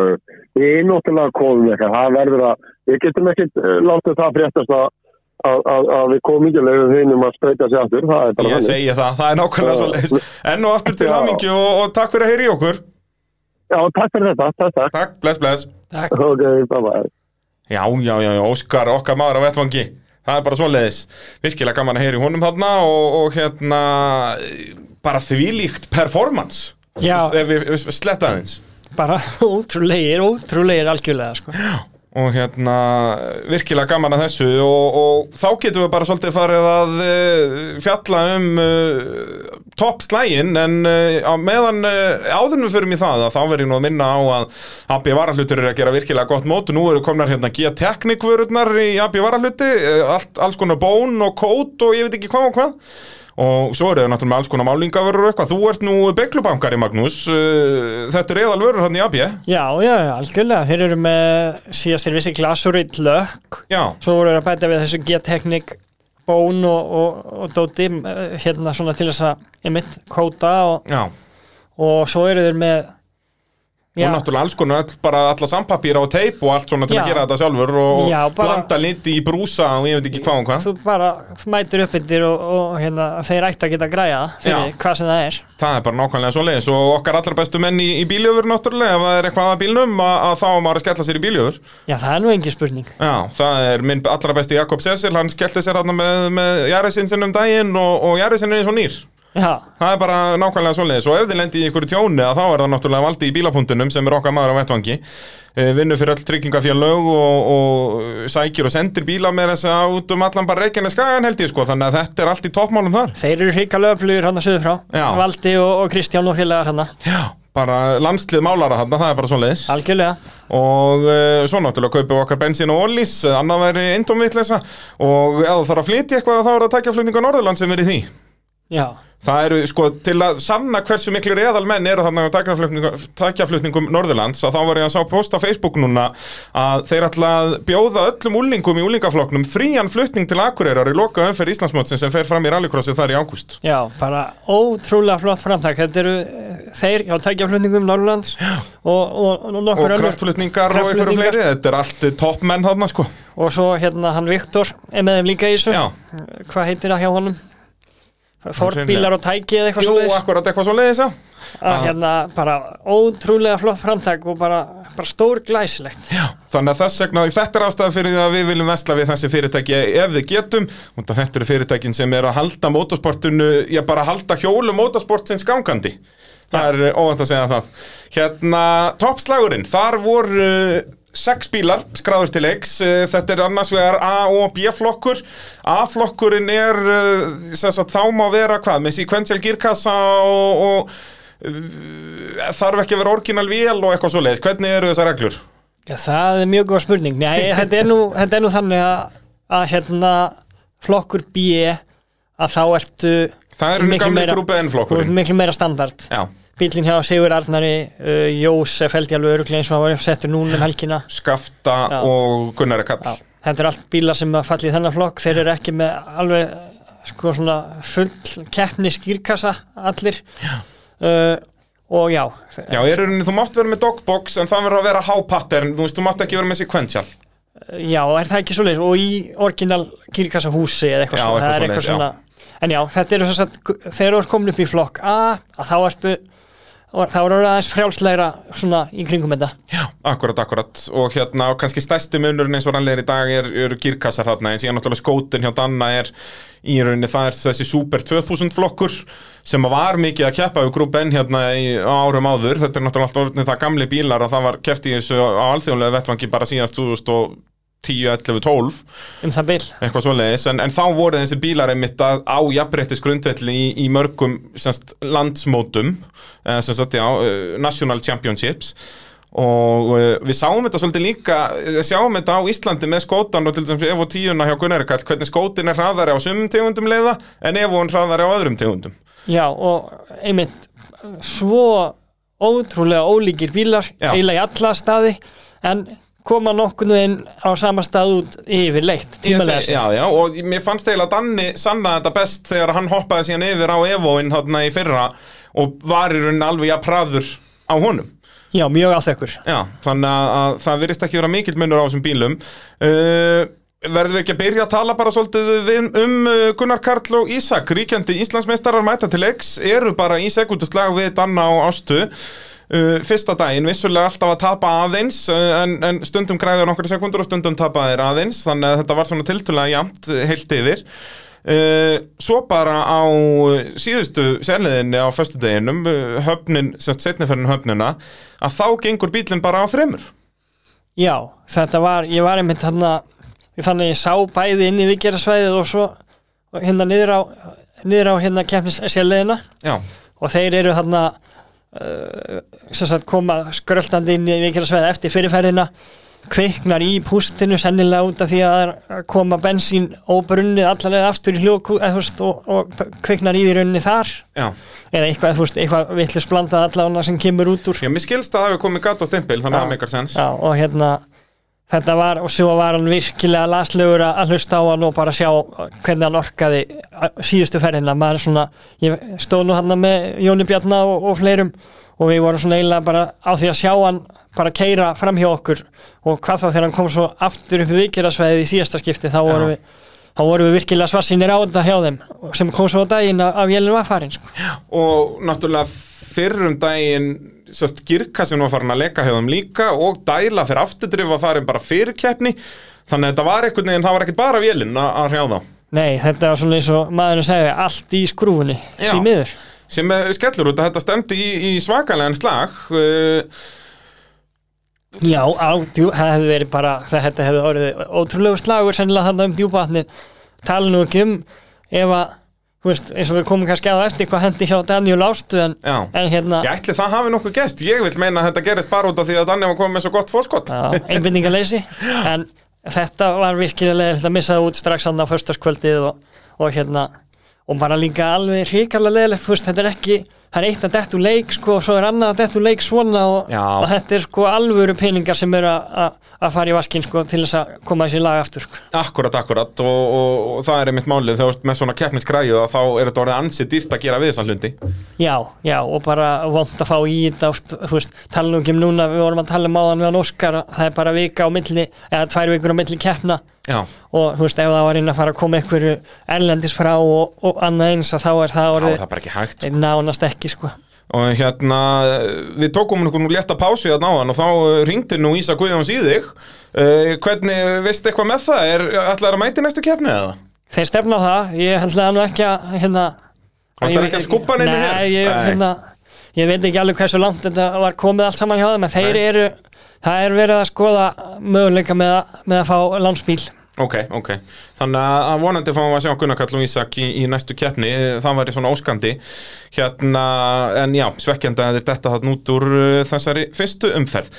Nú, uh, slagurinn uh, fyrsta daginn var náttúrulega á milli Daniels og, og Gunnars. Og þeir tveir voru bara í algjörnum sérflokki. Í þriðja sæti eftir fyrsta dag var voru ekki skafti þar má við sjá ef við skoða stöðuna hérna eftir keflaðu ykkur höfn. Mér finnst það líklegast, já, hann reyndar tapar tíma á að missa interkúlur hósan skafti, hann á leiðum Pattersson. Skafti var í þriðja sekundu á undan uh, Sigurður Arnari. Já, En vissulega tapaði hann hann á Patterson talsverðin tíma. Í setniferðinu Patterson tapar hann uh, Já og þó ekki svo miklu Hann græðir tíma þar á Sigurð. Já. Þannig Það var ekki svo mikið. þeirri ferðinu sá ég hjá hann sigga að það var stuðanir fullur af lúpinum og eitthvað, Já, hann hefur verið aðeins að leika sér. Það verður eitthvað, eitthvað smá hérna, þannig að það kannski skýri það. Já, það, uh, það geti verið. Uh, Svo kannski, já, tölum aðeins um uh, Jósef og, og Guðnafrey uh, Þeir að mæta í sína fyrstu keppni í, í aðalfloknum Já, á landsver, Ivo, hvað, 6, 6 er það ekki, þetta er bílinn sem Daniel og Ásta keppa fyrst á hérna árið 2006 það eru nákvæmlega 15 ár síðan. Já, þetta, þetta, Nei, 16 ár síðan það lifi, þetta lifir ágætlega, góðu lífi hérna, hver segir svo að það sé að skemma bílana að senda á þér all? Já, nákvæmlega, það er, ef þessi Ef hún hefði endað á göttunum, hugsa ég að hann væri nú búin að henda honum í dag Það væri allavega ekki mikið eftir á honum hugsanlega Já. nema hann hefði lent í einhvern virkilega góðum höndum. Akkurat, akkurat. Uh, Virkilega gaman að fylgjast með þeim.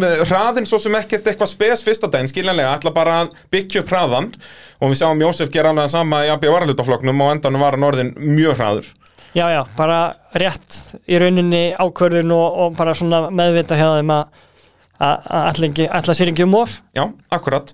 Og uh, voru að kera vel og, og svo bara að bæta uh, hægt og rólega í En lenda svo í bastli á djúpaðatni Þá hvað brotnar aftur drifið það ekki?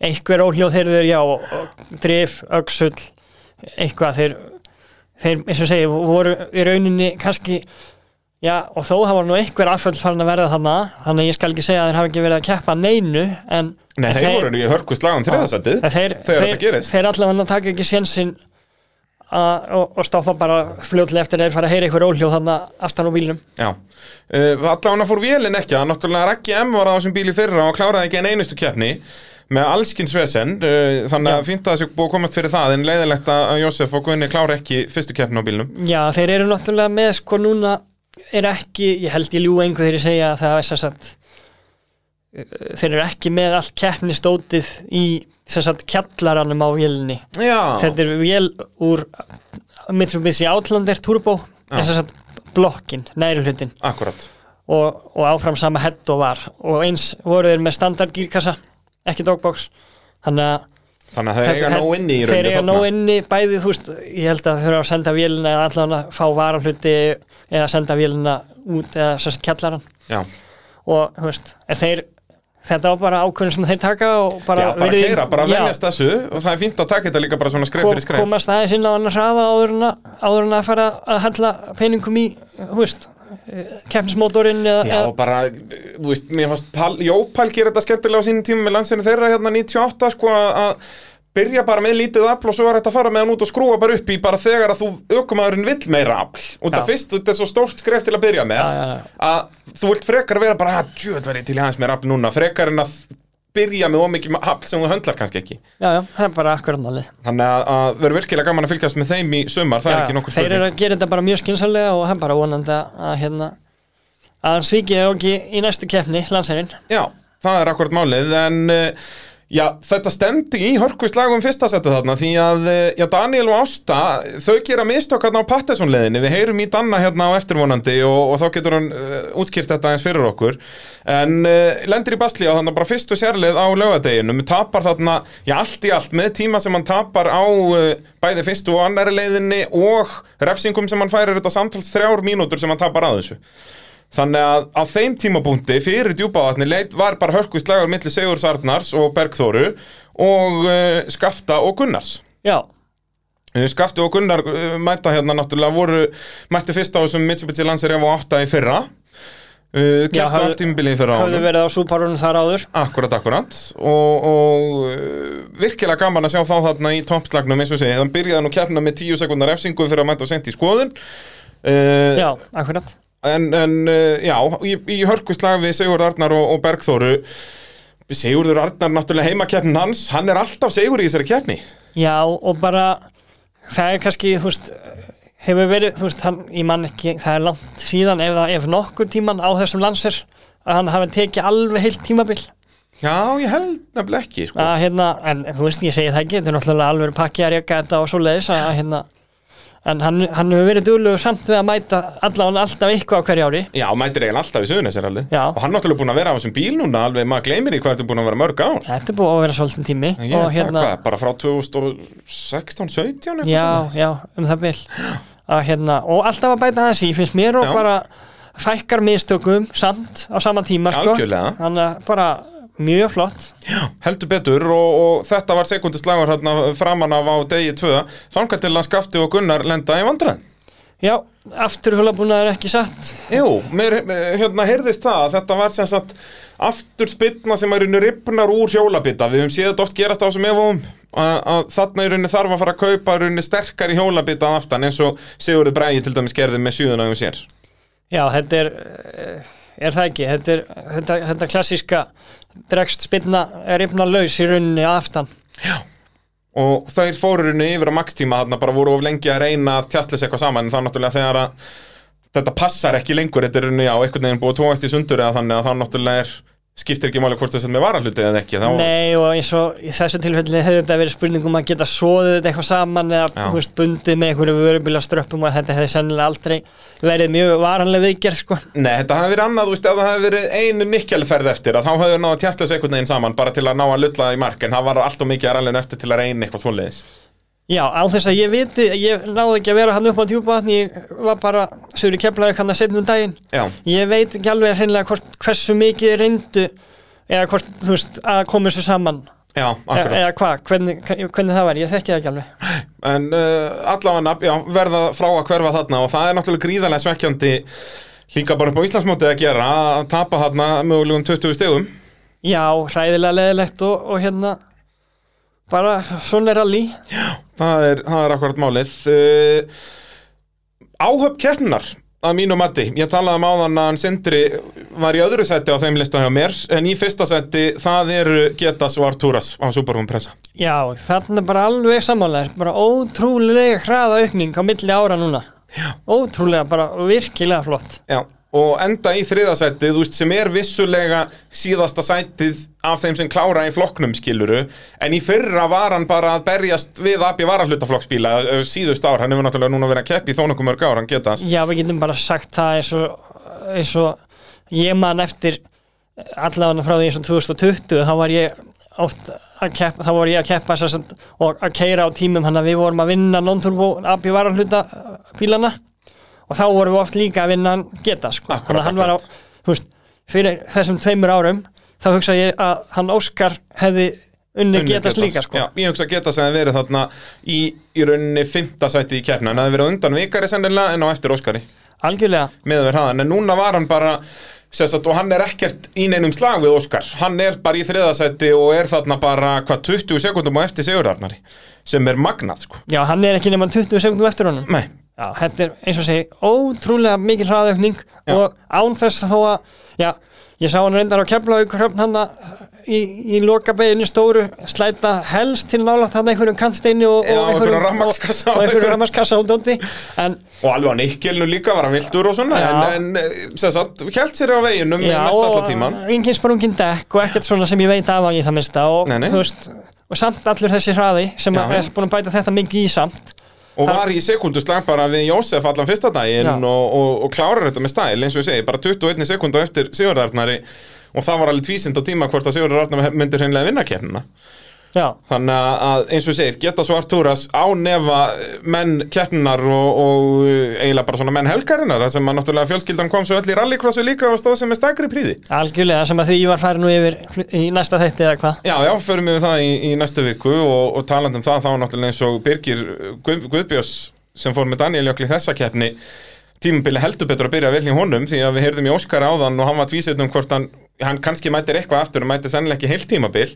Þá er það í rauninni Birgir sem að leiðir Íslandsmóti í AB varalutafloknum og uh, er líka í mjög góðri stöðu í, veist, hann leiðir núna 2000 flokkin í rallycrossinu öruglega Já. og er bara þremur stegum og eftir í opnafloknum þannig að hann stefnir á þrjá Íslandsmeistaratitla og það planir að ganga vel allan núna framan af. Það er þrennan. Já, það, við Ívar töluðum um mitt í útsendingu ef hann vinnur þessa þrjá titla að, og verður ekki aktur út af maður ásins að þá þarf bara eitthvað, þá þyrfti einhver Íslendingur að vinna Formule 1 sko. Já, það er, ég myndi nú segja að það er því automatik hérna þau velun ef hann, ef hann tekur þrjá Íslandsmeistara titla, sko. Já, og líka alveg í erfiðum flokkum að vinna sko. Já, hann er ekkert að ráðast að garðin það sem hann er legstur Alls ekki, sko. en já, geta svartúr að skekja þér í þessari keppni Já, bara, og þú veist, að ná, þetta er, mér finnst það svo ótrúlega greinilegt, Já. mikið bara svart og og samt án þess að klúra því. Ég segi það, að bara út af oft þegar maður sér svona bara ökumenn að fara mínútur hraðar á djúpavatni milli ferða eða þannig, eða sem sagt milli keppna að þá er það yfirleitt þannig að í annara ferðinu kútveldur hann eða eitthvað skilur akkurat. þú höndlar ekki en hann bara einhvern veginn hefur gert þetta mjög kalkulétið bara að, safna reynslu þessi fyrstu ár og svo bara, heyrðu, fyrir þetta síðan nú fyrir við að keppa Já, og, og bara geggja þér sko. þetta er bíl sem að einna, flottustu bílunum og best búnu Já. og bara glæsilegt að sjá hann loksins vera beitunum þetta, þetta vel, sko. Já, og geta smætti náttúrulega í rallycrossi líka, við förum betur við það í, í næstu viku. Uh, Sigurður Arnar og Bergþóra Kára í öðru sæti þessari keppni, uh, einn og halvur mínútu á eftir Daniel og Astu, en Sigurður, já, bara virkilega vel þessu öðru sæti kominn og, og gaman að sjá þau tvö klára keppni saman. Já, bara og ótrúlegur, bara góður ekstur svo við höldum áfram að tala um fólk sem var að keppi er allir frjósinu líka daginn Já, eftir. að hérna þau bæði þar keppa saman á móti hvert öðru og, í, Já, og standa sko- sig bæði virkilega vel. Það var alveg greinilegt að þau saknuði mikið að vera í bíl með hvort öðru því að þau gerðu, þeir voru líku við hlið við hlið alla rallycross-kemna Já. alla hana svona í öðrum þriðja og úslitariðlónum Já. Þetta var alveg magnað að fylgast með þessu að þetta var þessi, þessi hérna ef við tölum aftur um er allir bara ótrúlega flott uh, keppni hjá þeim bara heildina litið sko Já. og hérna já, bara ég skal ekki segja, þú veist, Siggi er alveg búin að vera mjög hraður undanfæri og svona hvort maður sé að tala um líka hvort maður sé að tala um einhverja alveg ægilega mikla framfæris en allavega hann svona loksins small þetta fyrir hann. Já, ég segi það, bílinn í lægi uh, og hann er náttúrulega líka búin að vera að betur um þetta bílinn hægt og rólega í gegnum árin líka. Þessi bíl er orðin bara mjög góður. Já, já, ég held það alveg öruglega sko, það er alltaf eitthvað aðeins verið að ditta að. Ég segi það, sko komin, uh, ég held að það. sé komin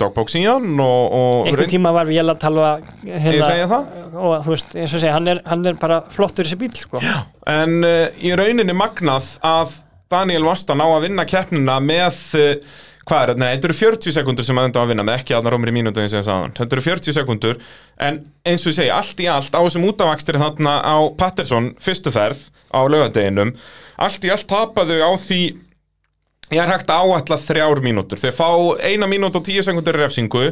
Þau tapa á Sigurð á Patterson leiðinni uh, tæpum tveimur mínútum og svo í ríkinu og eftir vikari á djúpavatni tapaði öðrum allafanna svona 30 sekundum myndi ég að segja Þá ertu komið vel yfir þrjár mínútur, þá ertu komið þrjár og hálf, fjóra mínútur sko. Ég segi það, og samt náðu að vinna þarna með 40 sekundum. Það var drama þarna þar sem að Sigurður og Bergþóra sest, það er eitthvað hjóla fólk inn á leiðina þannig í annari ferðinu djú, djúpavatnið þannig að þau verða bara að hægja á sér og í rauninni var leiðin fælt niður á þeim tímabúndi, allavega inn á rallytime síðunni, datalink.is að þar var uh, í rauninni engin með tíma eins og þegar við heimir byrjum beinuútsendinguna Nei, akkurat, þetta var svolítið á reiki þarna Já. og ég, þú veist, það var gaman að, ég veit ekki hvað Danni veit mikið um þetta en ef við heyrim í honum Já. hvað, þú veist, er, er hún Sigga og Bergþóru, er þeim, er þeim gefin áætlaður tími þarna eða, Ég, my- ég myndi halda að það sé raunin að þeim sem gefið út af því að þau náttúrulega tapað svakalugum tíma og ég vil stoppa alveg, ég bara hreinlega veit nei, það nei, ekki. það var þess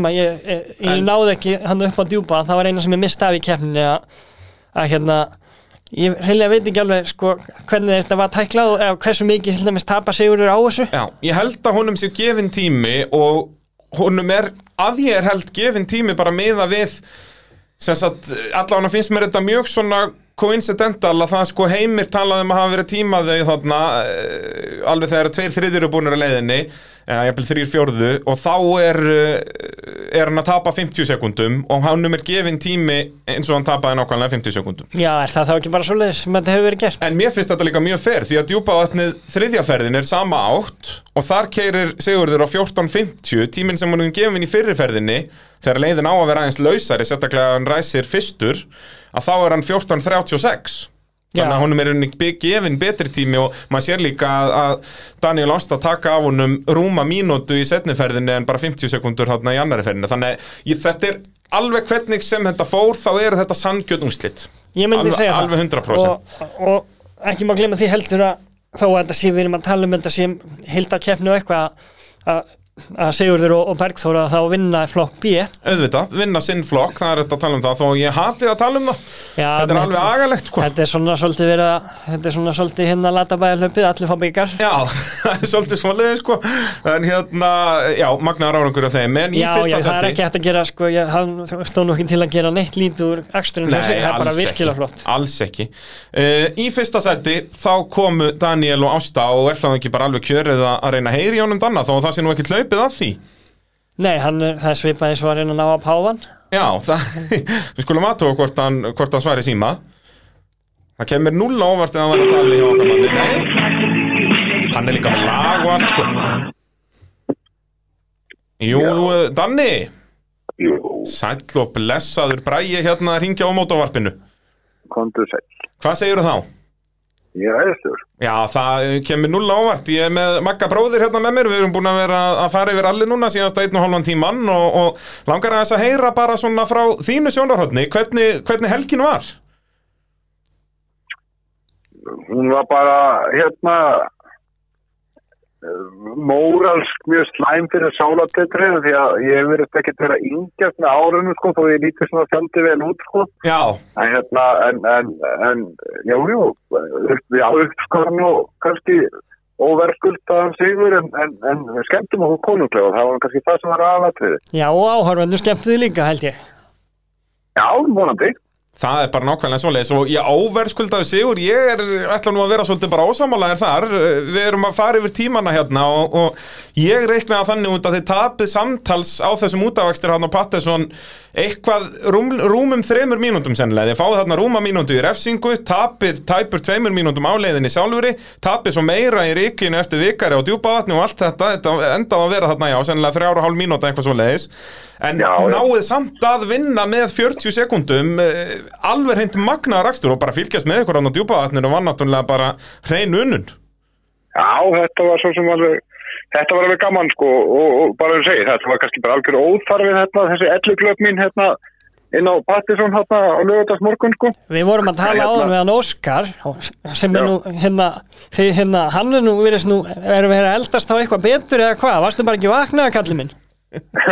Já, ég, ég kann ekki frá því að segja, ég er nú á þetta nú hérna á innkari og, og ég var bara löngu búið með þessa beigju og, og, og ekkert annað en það að segja. Og ég veit ekki hvort að rýmdargrind mín sé farin að skreppa saman svona en, en hérna, en ég bara hérna beigja þessu snemma til hæri, þetta er Þetta var náttúrulega sko, þetta var ógeðslegt, þetta var ógeðslegu kapli og það var búið að brotna mikið upp Malbík, þannig að það var sko allskyns drulla í vinstra sagt eh, hjólfarinu, ef, að- ef að hjólfar skildi kalla og, og líklega bara einbeiting mín meira að reyna sko að, að hanga því að sko setja ekki allt í, í, í mínus Vinstra vinstra megin, já. bílnum sko akkurat, og akkurat maður sér þetta nokkuð vel á, á myndbandinu að, að þú veist að, að það var ekki fyrir það að það var eitthvað, það var eitthvað að vera ofkeira á nokkuð tátt eða með eitthvað djöfulgang sko. þetta var bara, eins og ég segi, rýmdargrindin var bara ekki betur en þetta sko. og ég er búin að ástæðan fyrir að við sleppum svona vel með þetta er einfallt út af því að ég er sem sagt komið með með góða beigju til hægri á stýrið skilur þannig að hann er til dæmis léttur á hægri hjólunum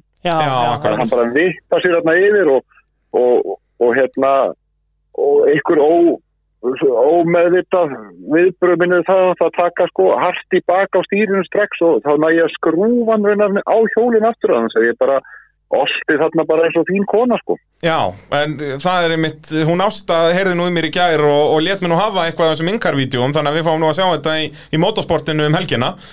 Það er bara svona þessu Já, já, já, þú farið einhverjum þar áðið en þetta sést þetta svo sem greinlega og, það sem að vera að vísa í og, og hérna og, og varðandi eftirleikin náttúrulega var bara þannig. Við stoppum þetta strax og við erum 200 metri frá endamarkinu og, og þá náttúrulega stuðarinn undir tönnunni sko og miklum hámar á brestum sko. Akkurat. Og það er þá mistökum með tvö.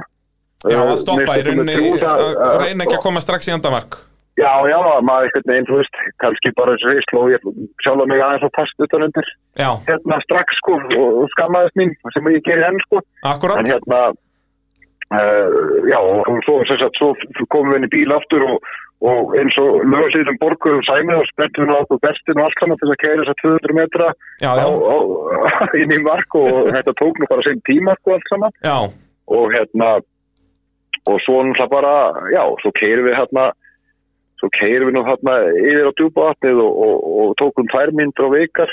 Já, uh, vinn minn og hann eins og segja, hann var að keira rosalega hrætt, hann er sennilega bara eitt hraðasti rally vökkumæður Íslands en hann fer bara miklu lengur leið heldur en við flestur hinn sko. það, það, ég, ég hef bara aldrei á æfum minni séð eh, rallybíl kera jafnmarga kílometra meðan ég var að fara eitthvað hundruði metra sko, eins og hann vikar þetta undan mér sko. já, hann, hann fílar að fara víðarlínur í gegnum beigjarnar Já, ég, og segi, ég á þetta líka til á, á myndbandi og hérna, og, og, og og segi, það eru me meiri hunun að horfa á akstursmáta vikas heldur en nokkuð annað þrettnandur þessi ralli, sko, að hérna, að, að, þe- þetta er svona, þú veist, þetta var að kalla kamakasi hérna í se- seinni heimsturildinni, sko, en, en, en það voru, það, það, það, hann sleppir alltaf með það, sko. já, þetta, er- þetta er einbeittur brotavíli hjá gamanni sem að gera sér, gera sér það að leika fljúa í gegnum svona rafmaskilskru og reyna að sleppa með það sko, hann sleppur alltaf með það sko. Þetta heyrir En undir hérna- persónu vendalögu Daniel að vera að taka svona myndbönda mönnum óaðvitandi Já, ég segir það. En hérna, og ég var eins og svo, ég lágur um það ekkert að hérna, að þess að segja, við vorum að elsta það lágur um alltaf þáttur þessar tvær myndir sem að Já, voru hva, hva, hann eru það að ná honum? Bara eftir klappir? Já, það er bara, nei, nei, já, bara á, á vítisaröllunum eins og það heitir, skilur það, hérna, þá voru við farin að borða ríkja hans og, og hérna, og þetta, þetta varir í eitthvað að tæpa 6 kílometra. Já, og en hann Þetta- síðan þessi- loksins sér ykkur í speklunum Þetta er náttúrulega ómögulegt líka fyrir hann að sjá ykkur í nei. Hann sá okkur aldrei. Nú það er svoleiðis, hann bombaði bara út af og þá nýttuðu ykkur Já, tækifæri já, hann, hann bombaði bara út af alveg miskunarlaust sko, hérna, það sem að ég var, ég var raunar sko hættur tilrunum minni til framákvæmstu því, því að ég sá það að hann átti alveg fullt í fangi með það að, að reyna að finna veginn. Já, Þú veist, hann var ekki við landakort og hérna, og var í leita að veginum. Og akkurat hérna og hérna, þannig að, að ég ég segi, ég, jú, ég hérna, ég var kannski 100 metrum fyrir aftanan eða eitthvað fyrir hérna niður hérna síðasta dal sko. Já, og hérna og það var alltaf bara bara að borða rík skilur við, maður var svona maður var nokkuð saptur þarna eftir allar þessar kílometra sko. Já gera ekkert mjög svona nei, já, ég segi nú bara svona sem ég segi, þegar það er bara sko svona grjót og ég var alltaf stuðvar að lusátna með raskangin alveg berum fyrir framan mig og, og svoleiði sko. Já, þannig að hérna, þetta var ekkert spennandi að vera hérna 15 metra fyrir aftan hann lengi sko með líka með þeirri skæða drífu sem kom hérna af þessum svona mismikla innavegst akstri hjá honum vinnum minnum og, og önnur sko. Akkurat, akkurat Þannig að hérna, þannig að ég svona hugsaði að þetta kannski, ég sjá bara til hvernig þetta endar en, en svo, svo ákvæðan hann að hoppa hérna, hérna í þingiða sísluna í augnablík sko, og þá ga- gafst alveg gulli tækifæri til að þinga sér framfyrir hann sko, Já, hann- hann var hann að hann- bakkin á veg aftur. Hann orðaði þetta nefnilega nákvæmlega svo leiðis að hann hefur bara verið að gera þetta fyrir þig sko, að skella sér hann út af veginum Já, allan daginn sko, Já, já, já. já, svo heyrði ég nú hann í viðtali hérna, að hann kvartaði nú sáran yfir því að hafa tapast mjög tíma að hérna, að, að elta ríkið mitt. Já, já, hann ég, náttúrulega hérna, elti ég- þig alveg ég- uppi þarna Já, já, ég, ég segi, það voru svona kannski, það hefði verið sko tveggja mín svona akstustími eftir að leiðinni sko þegar, að- þegar við fyrir fram úr honum sko. Já, og hérna við vorum að vera svona góða velið fjóra mínútur samt á eftir honum sko. Þannig að ég fekk það alltaf að held mikið meira ríki heldur en, heldur en hann sko. Já, ég held að hann hafi líka komið sko alveg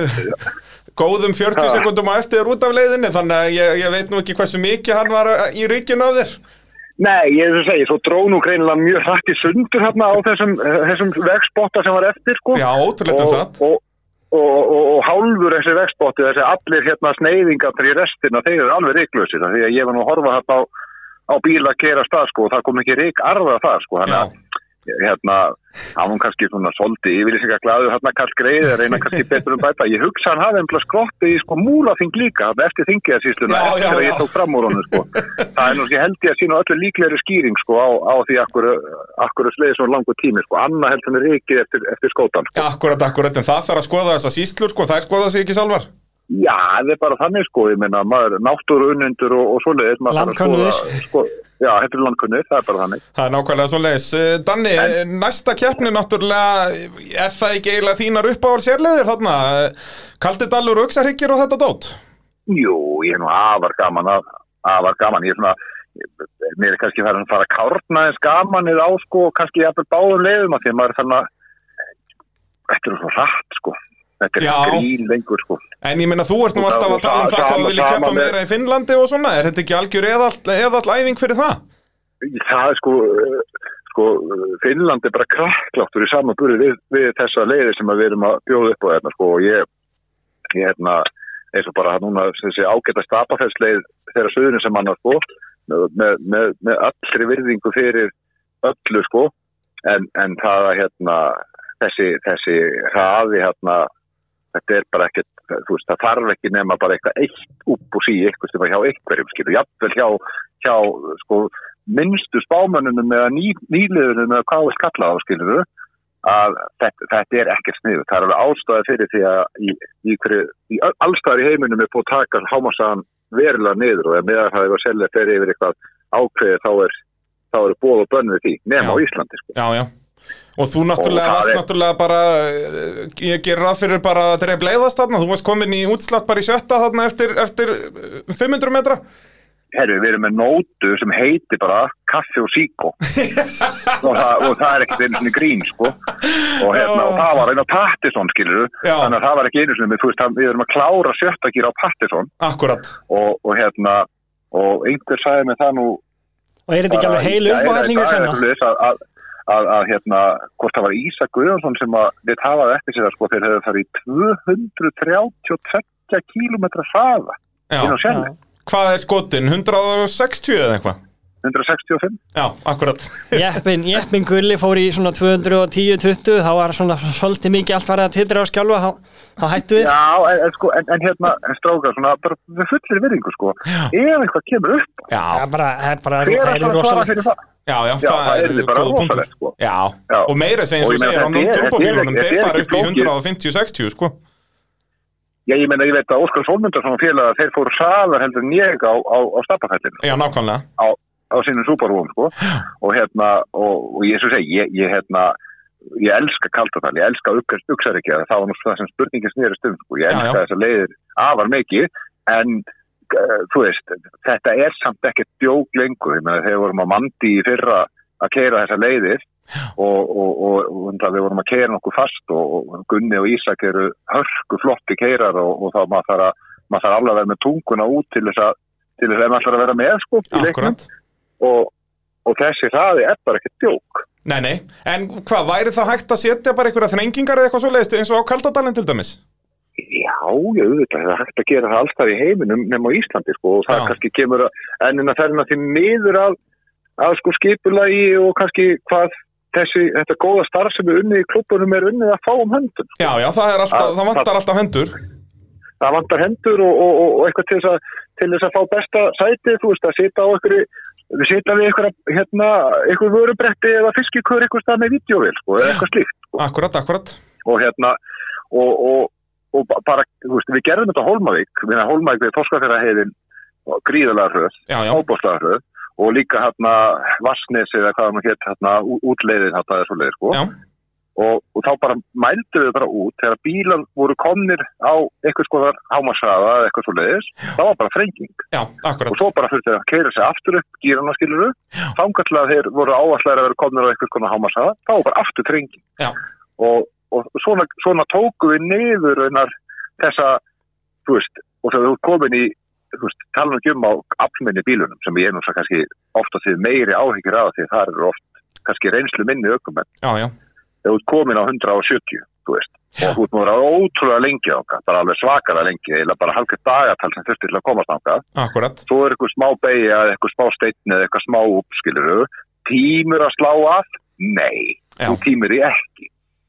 Og það er þar sem að maður hefur svolítið áhugjurskiptu, því að yfirlt verða nú óhöppin ekki þar sem að menn eru að bremsa eða gefa í, skilur. Nei, Menn, nei. óhöppin verða þegar menn svona ætla að reyna að komast upp með það. Já, og bara, við höfum náttúrulega síðan mikið af alveg svakalugum krössum á, á Kaldadal undanfærin ár, hérna Volvo-strákarnir og svo náttúrulega gæi í, í fyrra Alveg rétt og það var einmitt, eh, til dæmis með Garðar, afar góður ökuma með fína nótur og hann fekk alla nótur á reknum tíma og allt það, sko, en það eru svona einmitt svona rosalega hraði sneiðingar og hratt eftir sneiðingarna. Já, Og hann þú vilt ekki tapa hraðanum. að taka- kantana, sko. akkurat, Og akkurat svo bara sló, sló eitt kanturinn hann bara, þú veist, bara svipaði svo grjóti mitt núna um, um, um hérna síðustu helgi, sko. Nefn að þú Það varst í bara öðrum þessi- Þessi fjóri sentimetra, sko. Já, og, og við sáum hvernig Garðar fór skilur og ég var heppin núna um helgina en ég var ekki eins heppin alltaf í alþjóðarallinni fyrra þegar ég, þú veist eh, já, fyrsta hrukkan kom í rallyfeyðin minn sko, þegar ég hérna misherði nótuna mína og vesti mandi sko. Já, nákvæmlega, nákvæmlega. Og nú bæti bara rætt í hrukkurnar. Þetta er En talandi, talandi áfram um eins og þrengingar og svona með, með að nániði hraða, þá finnst mér líka alveg, þú veist, það er líka miklu meira rally að keira þá hratt í gegnum þrengingu heldur en að, að krúsa bara í fimmtagýr í botni einhvern, já, einhvern ég meina, þú veist við, við annars bara fyrir við á saminus kvartminuklúknum með tvö ár sko. það er Já, bara, nákvæmlega. hérna, Af því það er bara nefnilega alveg kappakstri, næsta sko. skref skilur ef, Já. ef, ef, ef, ef, ef að þetta er að vera og ég meina þú veist, og, og, leiðir sko eins og eins og uksarikitin sem að við, við hérna við eh, reyndari kallanir um að keira þú veist, tugi sinnum og eitthvað og ég meina, þú veist, það er hvergi millimetr eftir. Já, þú já, veist, bara eins og þau segja á slemri útleysku, no space for error. Og það er bara væga sagt þannig. Það er hver einasta beigja af þessum örfáu beigjum sem eru þarna yfir uksarikina er komin þú veist, bara á svona, já, Sebastian Löpstæl skilur við já, já. Bara alveg 100% bæði á Apexi að- þú og útúrenni já, já, já, þú veist, Löp myndi þú veist, vera á kannski aðeins betri tíma í fyrsta getur myndi prófa þetta skilur, en hann færi ekkert langt, þú veist, hann myndi ekki taka 20 sekundur ef að bílarnir væri ekki sem sagt breyta í þessu. Nákvæmlega, nákvæmlega. En, en, en, þú veist, en, en, og það er við hinir, ekki út af því við sem Sebastian Löp, bara því að við erum að prófa þetta svo oft, skilur við bara aðeins ræðar, aðeins ræðar, aðeins ræðar, aðeins ræðar, aðeins ræðar, aðeins ræðar, jafnvel að fá skell, skilur, ok, þetta var rætt, skilur, ok, tilbaka, skilur, og finna hraðan, og ég meina, þú veist, ég, ég held að, sko, ég held að met, metana hérna yfir skil sér undir fimm mínútum. já, það ekki, mér minni það. Já, Þetta ég farið undir fimm mínútum, alveg inn í Lundrækjadal, Já, á skóta og, og þú veist og þá tókum við með 20 sekundur eða eitthvað álíka gáðulegt að næsta bíl sko. Já, já.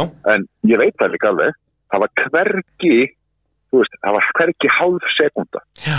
En er þú veist eins og mjögsaríki, þú veist, ég métt þetta strax í stað, þú veist, tveir staðir sem var hægt að henda þrengingu, það er þarna eftir hægri beiguna sem svona fellur aðeins niður, þá kemur langur hérna hliðin á raflínunum og svo á langa beinakablanum hérna, svo fer síðan yfir beinu, eða blindhæðina með skiltinu á miðjun á veginum, Þú veist, þarna það að myndu keyra henda tveimur vatninu til þarna. Já, þú ert að kera með frá vatninu þá er það löngu heitt vatn. aflínandi. Það er ekkert, það er ekki, sko, það er ekki grjót, það er ekki vegri, það er ekkert neinstar og það er laus möðlarna og, og þú veist, það myndir bara koma eitt blúps. Já, bara sprungið um- afturdekki eða hvað það væri Já. og þú ert farin, sko. Og þegar sérstaklega hefur við að koma tilbaka þar, Já, þá erum við í botni. Og hvort sem er botni heitir 165 eða 232 skilur við, já, þá erum við bara þannig hraða að það er bara útilokað að bjarga sér út úr því. Já. ef að skýturinn skeður. já, já, nákvæmlega. Þetta er svo fljótt að gera þetta á þessum hraða. Já, og ég meina sko á, á, á Kaldadal sko ég átti að vera svakar skrans á Kaldadali fyrra. Og hérna ég muni hvað háa hæðinni sem hallar öfugt svo að klappir í hæðinni og, og vilja alltaf henda manni svona út úr. Akkurat, og, ak og alveg Já. löng brekka niður að þú ferð út af. Já, já, já, já. Þegar maður að fara inn í, inn í borgarfjörð sem sagt inn úr þá maður kemur byrjuð að klifra upp brekkuna svo kemur bara svona smá stallur sem sagt og, og, Og svo og hægri að öfugt Já. og þetta beigja eftir hægri sko Já, En þessi smá stallur hérna, fyrst sko, Hann er stökkpallur bara fyrir þennan hraða. hann, bara, hann, hann, hann heitir Jump í dag hjá mér. já, Út af því að ég sem sagt kom hérna á Mandi og var náttúrulega ákveðin hérna í það skiptið. jú, jú Og ég sem sagt stökk út úr hægri beginu með klöppunum. Já, Og niður í skriðurnar hinum megin við. frábært nei, nei, það var það ekkert sko.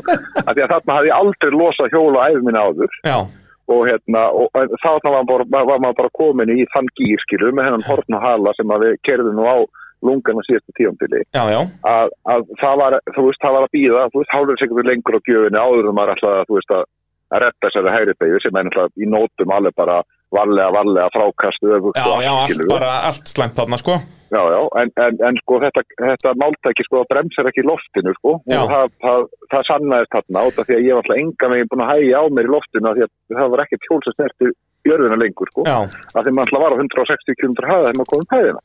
Akkurat. Og ég, ég veit ekki, ég veit ekki hugmynd um hvernig óskopunum ég að krafsa mig hérna inn á vegi einhvern veginn aftur, ég er svona þrývalt sem sagt, Já, og sem sagt að snúa til vinstri til þess að velta ekki sem sagt til að taka að bílnum tilbaka sko. Akkurat. Og kom hérna niður veginn bara hérna bara niður á beinakablar og það niður frá sko Já, Það basically, sleftir vinstri beginu hann niður brekkuna já, já, já, þetta var bara svona vikarstæl sko. Já. og hérna og, Þú skellti henni í borgarfjörðin og fegst þér ís og fyrr. já, þetta var bara rendi fyrir fiskin í kvalfyrir í, í leiðinu þarna, sko, og, hérna, og, og, hérna, en og ég, hraðin þarna er sko, og ekkert víða endilega á, en, en svo, svo líka þegar þú búið með vörðuna í sömu á, og er farin að fara niður brekkurnar, Þá kemur Og sérstaklega eftir meira sér á non-turbóbílunum Þar ertu komin og eins og Volvoin síndi til dæmis Það var hann skömmu eftir þennan kabla já, að Það er góða punktur og margir beini kablar sem mætti henda upp þrengingu Það er bara svoleiðis. Já, já, en þetta, sem sagt, niður, niður hérna, ég reyndi að vera fyrsti bíl á vegi þegar það var svona, það var svona slímón á veginu, bara leir, eða svo leið sko, þannig að það var bara beinir hálka, hálka fyrir fyrsta bíl og hinu gáttu svo komið niður úr hjólfurinu sko, hvort það var búið ísa aðeins og þetta er sem sagt, ég er eini maður sem hefur farið á skýðum frá Kaldadalsvörðu og niður í húsafell sko, ég hérna, en, en, en það er ekkert grín sko, það verður svo sleft þarna. Og þetta er alltaf allt, þú getur, þú getur komast upp með að komast í kantunum alveg í botni þetta niður langa sneiðingana.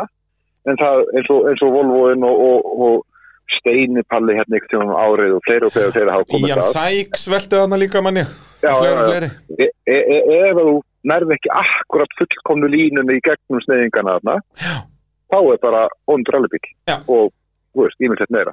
Já, og í rauninni besta falli bara ónýtur allibíl Já, já, já, ég segi það sko. Já, og ég segi, mér, mér er svo sem þú veist, me- menn geta svo sem fabulir að það að ég sé að tala fyrir eigin hérna, út af því ég sé með lágan, lágan hámarsað og skóta eða eitthvað svoleiði sko, en, þetta, þetta snýst bara ekkert um það, ég er nú aðalega bara að vísa eins og þegar að maður er á efuðunum með bara hverju sem er, því að maður svona maður hefur svona áhyggjur af, þú veist hvað, hvað að þetta sem að er búið að benda á svona oft raungerist, akkurat, hvað akkurat verður um sportið okkar, hvað verður um íþróttunum sem við elskum?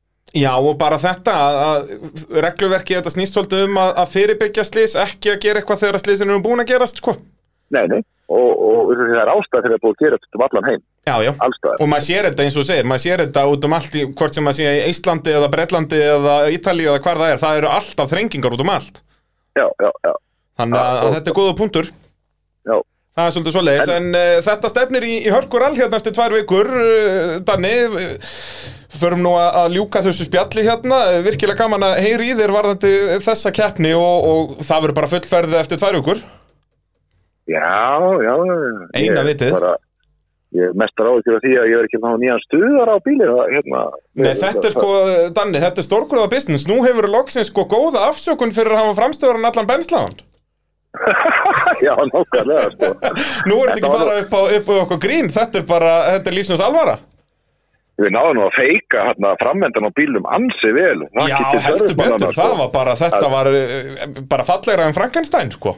Já, sko, ég svo segi það, já, þetta, hérna, nýjasta myndbætti með Ramstein, hérna, sem eru að gera grína, hérna, aðgerð, ég mæli með að menn horfi á það. Þetta var svona svipaði svo andlitið á söngvarinu, sko, en, hérna, en, en það var alveg ótrúlegt úr þeim efni við sem að var ríksugaður upphatta á Pattisson, hvað var þetta gera svona fjaskafínan framönda Já, þessu, þetta er sko, þetta var að finnast það sem ég séð. Ég er hérna fyrir aftan Jónba og pappa á, á þessum van þarna þegar þeir byrja að, að drusla út einhverju trefjaplastið þarna fyrir framann særufsbílinu og ykkur. og þau voru, þetta, án- ég ík ekki þetta voru held ég fimm eða sex ferðir með sko báðar hendur fullar af trefjaplasti Já, já, það var bara þannig, og bara fægiskopla á allt saman, sko. Já, já, allir pakkin Já, já, já. Þetta er Það dásamlegt eina sem að reyna náðum ekki að klastra saman, það var ljósið sjálft. Já, ég sá það, Það það var komið bara eitthvað svart í sko. þar Já, akkurat, akkurat Já. En bílinn, hörku flottur og, og eins og ég segi, það verður gaman að fylgjast með þér eftir, eftir tvær vikur og, og til hamingi með fyrsta setið um helgina. Takk fyrir það. Heyrumst og sjáumst, bye bye. Heyrjumst. Já, já. Já, Danni léttilúr og kátur, skemmtilega pælingar hérna með öryggisatriðin hérna. Já, líka ekki, jú, jú, náttúrulega algjörlega hérna valið punktur hjá hannum Já. en líka, þú veist, eins og við sjáum á keflaugurhöfninni þetta er svo mikil kappakstur sá sem er hraðastur í gegnum þrenginguna Já. græði svo mikið. Ég man að ég gerði þetta held ég í motorsportstætti 2015 eða 16 þá fór ég að bera saman Danna og Henning eða eitthvað, þá var Henning í, í slagum fyrsta seti Já. og Danni náttúrulega hann búin að vera að keppa í Breitlandi í mörg mörg ár þar sem er, þú veist, hann læriði bara að fara í gegnum þrengingar. Ég held að hann hafi grætt eitthvað 2-3 sekundur í gegnum þrenginguna á höfninni. Já, hann var nú strax farin að fara hrætt í gegnum þrenginga bara á hondunni í gamla dag en, en þá þurfti hann yfirleitt að senda þær á málingavesta eftir, eftir þrengingana þá. Já, og sækja hverinn úr, úr sjónum Já, en, en eins og segi, þú veist Þetta er, Þetta- er tækni. vist, sko, já, og, Og og því að þú verður að fara þú verður að fara í gegnum þrenginguna á gjöf Já. þar annars er allir bíl ekki með grip Já, og þetta er þetta er skilur, þetta er svona ökumanns tækni, Já. akkurat það sem við viljum vera að keppa í Ná, Akkurat og dregur hraðan niður í leiðinni Já. þannig að þú veist, það er þetta er eitthvað sem að þa- þarf að fara að skoða. Já, en náttúrulega vandamáli er eins og Danni kom inn á þarna og ég held að við séum svolítið sammáli er að þarna þarf að koma með uh, stóran bíl upp á sérleðin um morgunin að setja upp þrengingarnar hvort sem þetta er- verður vörubretti eða, eða vörubíladekki eða hvað það er. Er og svo þarf að manna allar þrengingarnar. Mikil vinna og, og mikil mannskapi sem fer í þetta og það er því miður hefur verið raunina, hefur verið svona vantað upp á þar. Já, auðvitað, ég menn þetta er bara áhuga mann sport, Já. þú veist, ef þú sér það það eru bara 13-14 að keppa í íþróttinni það eru hægt að búast við því að það verið 100 manns að vinna við hana, sko. Nei, Þannig að við verðum bara svolítið að hjálpa saman með, við þetta en, en svo er spurning hvað er alveg hægt að gera þrengingar á andess að gefa refsingar fyrir þær en þá náttúrulega hverfur þrengingin ef, ef að fyrsti bíl bombar á hana skiluru já, þannig að, að það verður alltaf að vera eitthvað á staðnum þannig að en þá er spurning hvort að þetta bara hafa þá okkur myndatungu fólkið eða eitthvað í því sko já, ég meina þetta er þið líka Þetta er fínt, eh, myndefni, já, sko. Já, nákvæmlega þannig að, hérna, já, áhugaverða pælingar en uh, Maggi, er þetta ekki verið að koma ágætt hjá okkur? Já, er þetta ekki verið miklu meira nágætt bara Jú, við erum búin að bladra hérna bara í einhverja tvo tíma eða eitthvað, þetta er rosalett Hérna, ég minni á uh, rallið núna eftir tvær vikur eða einu og halva viku Þetta er sem sagt núna, hvað heitir þetta, er þetta 25. júni eitthvað svo leiðins? Já, núna komandi helgi er með 17. júni hérna frídegi, förstu degi og Já. þetta er bara helgin þar á eftir Akkurat, bíladagar næstu helgi, hvetjum alla til að skella sér uh, norður og svo er það rally helgin eftir það. Við verðum mættir í mótoröppinu, ég og Ívar Örn í næstu viku að gera upp aðra umferðina í rallycrossinu. Þannig til þá, bless bless.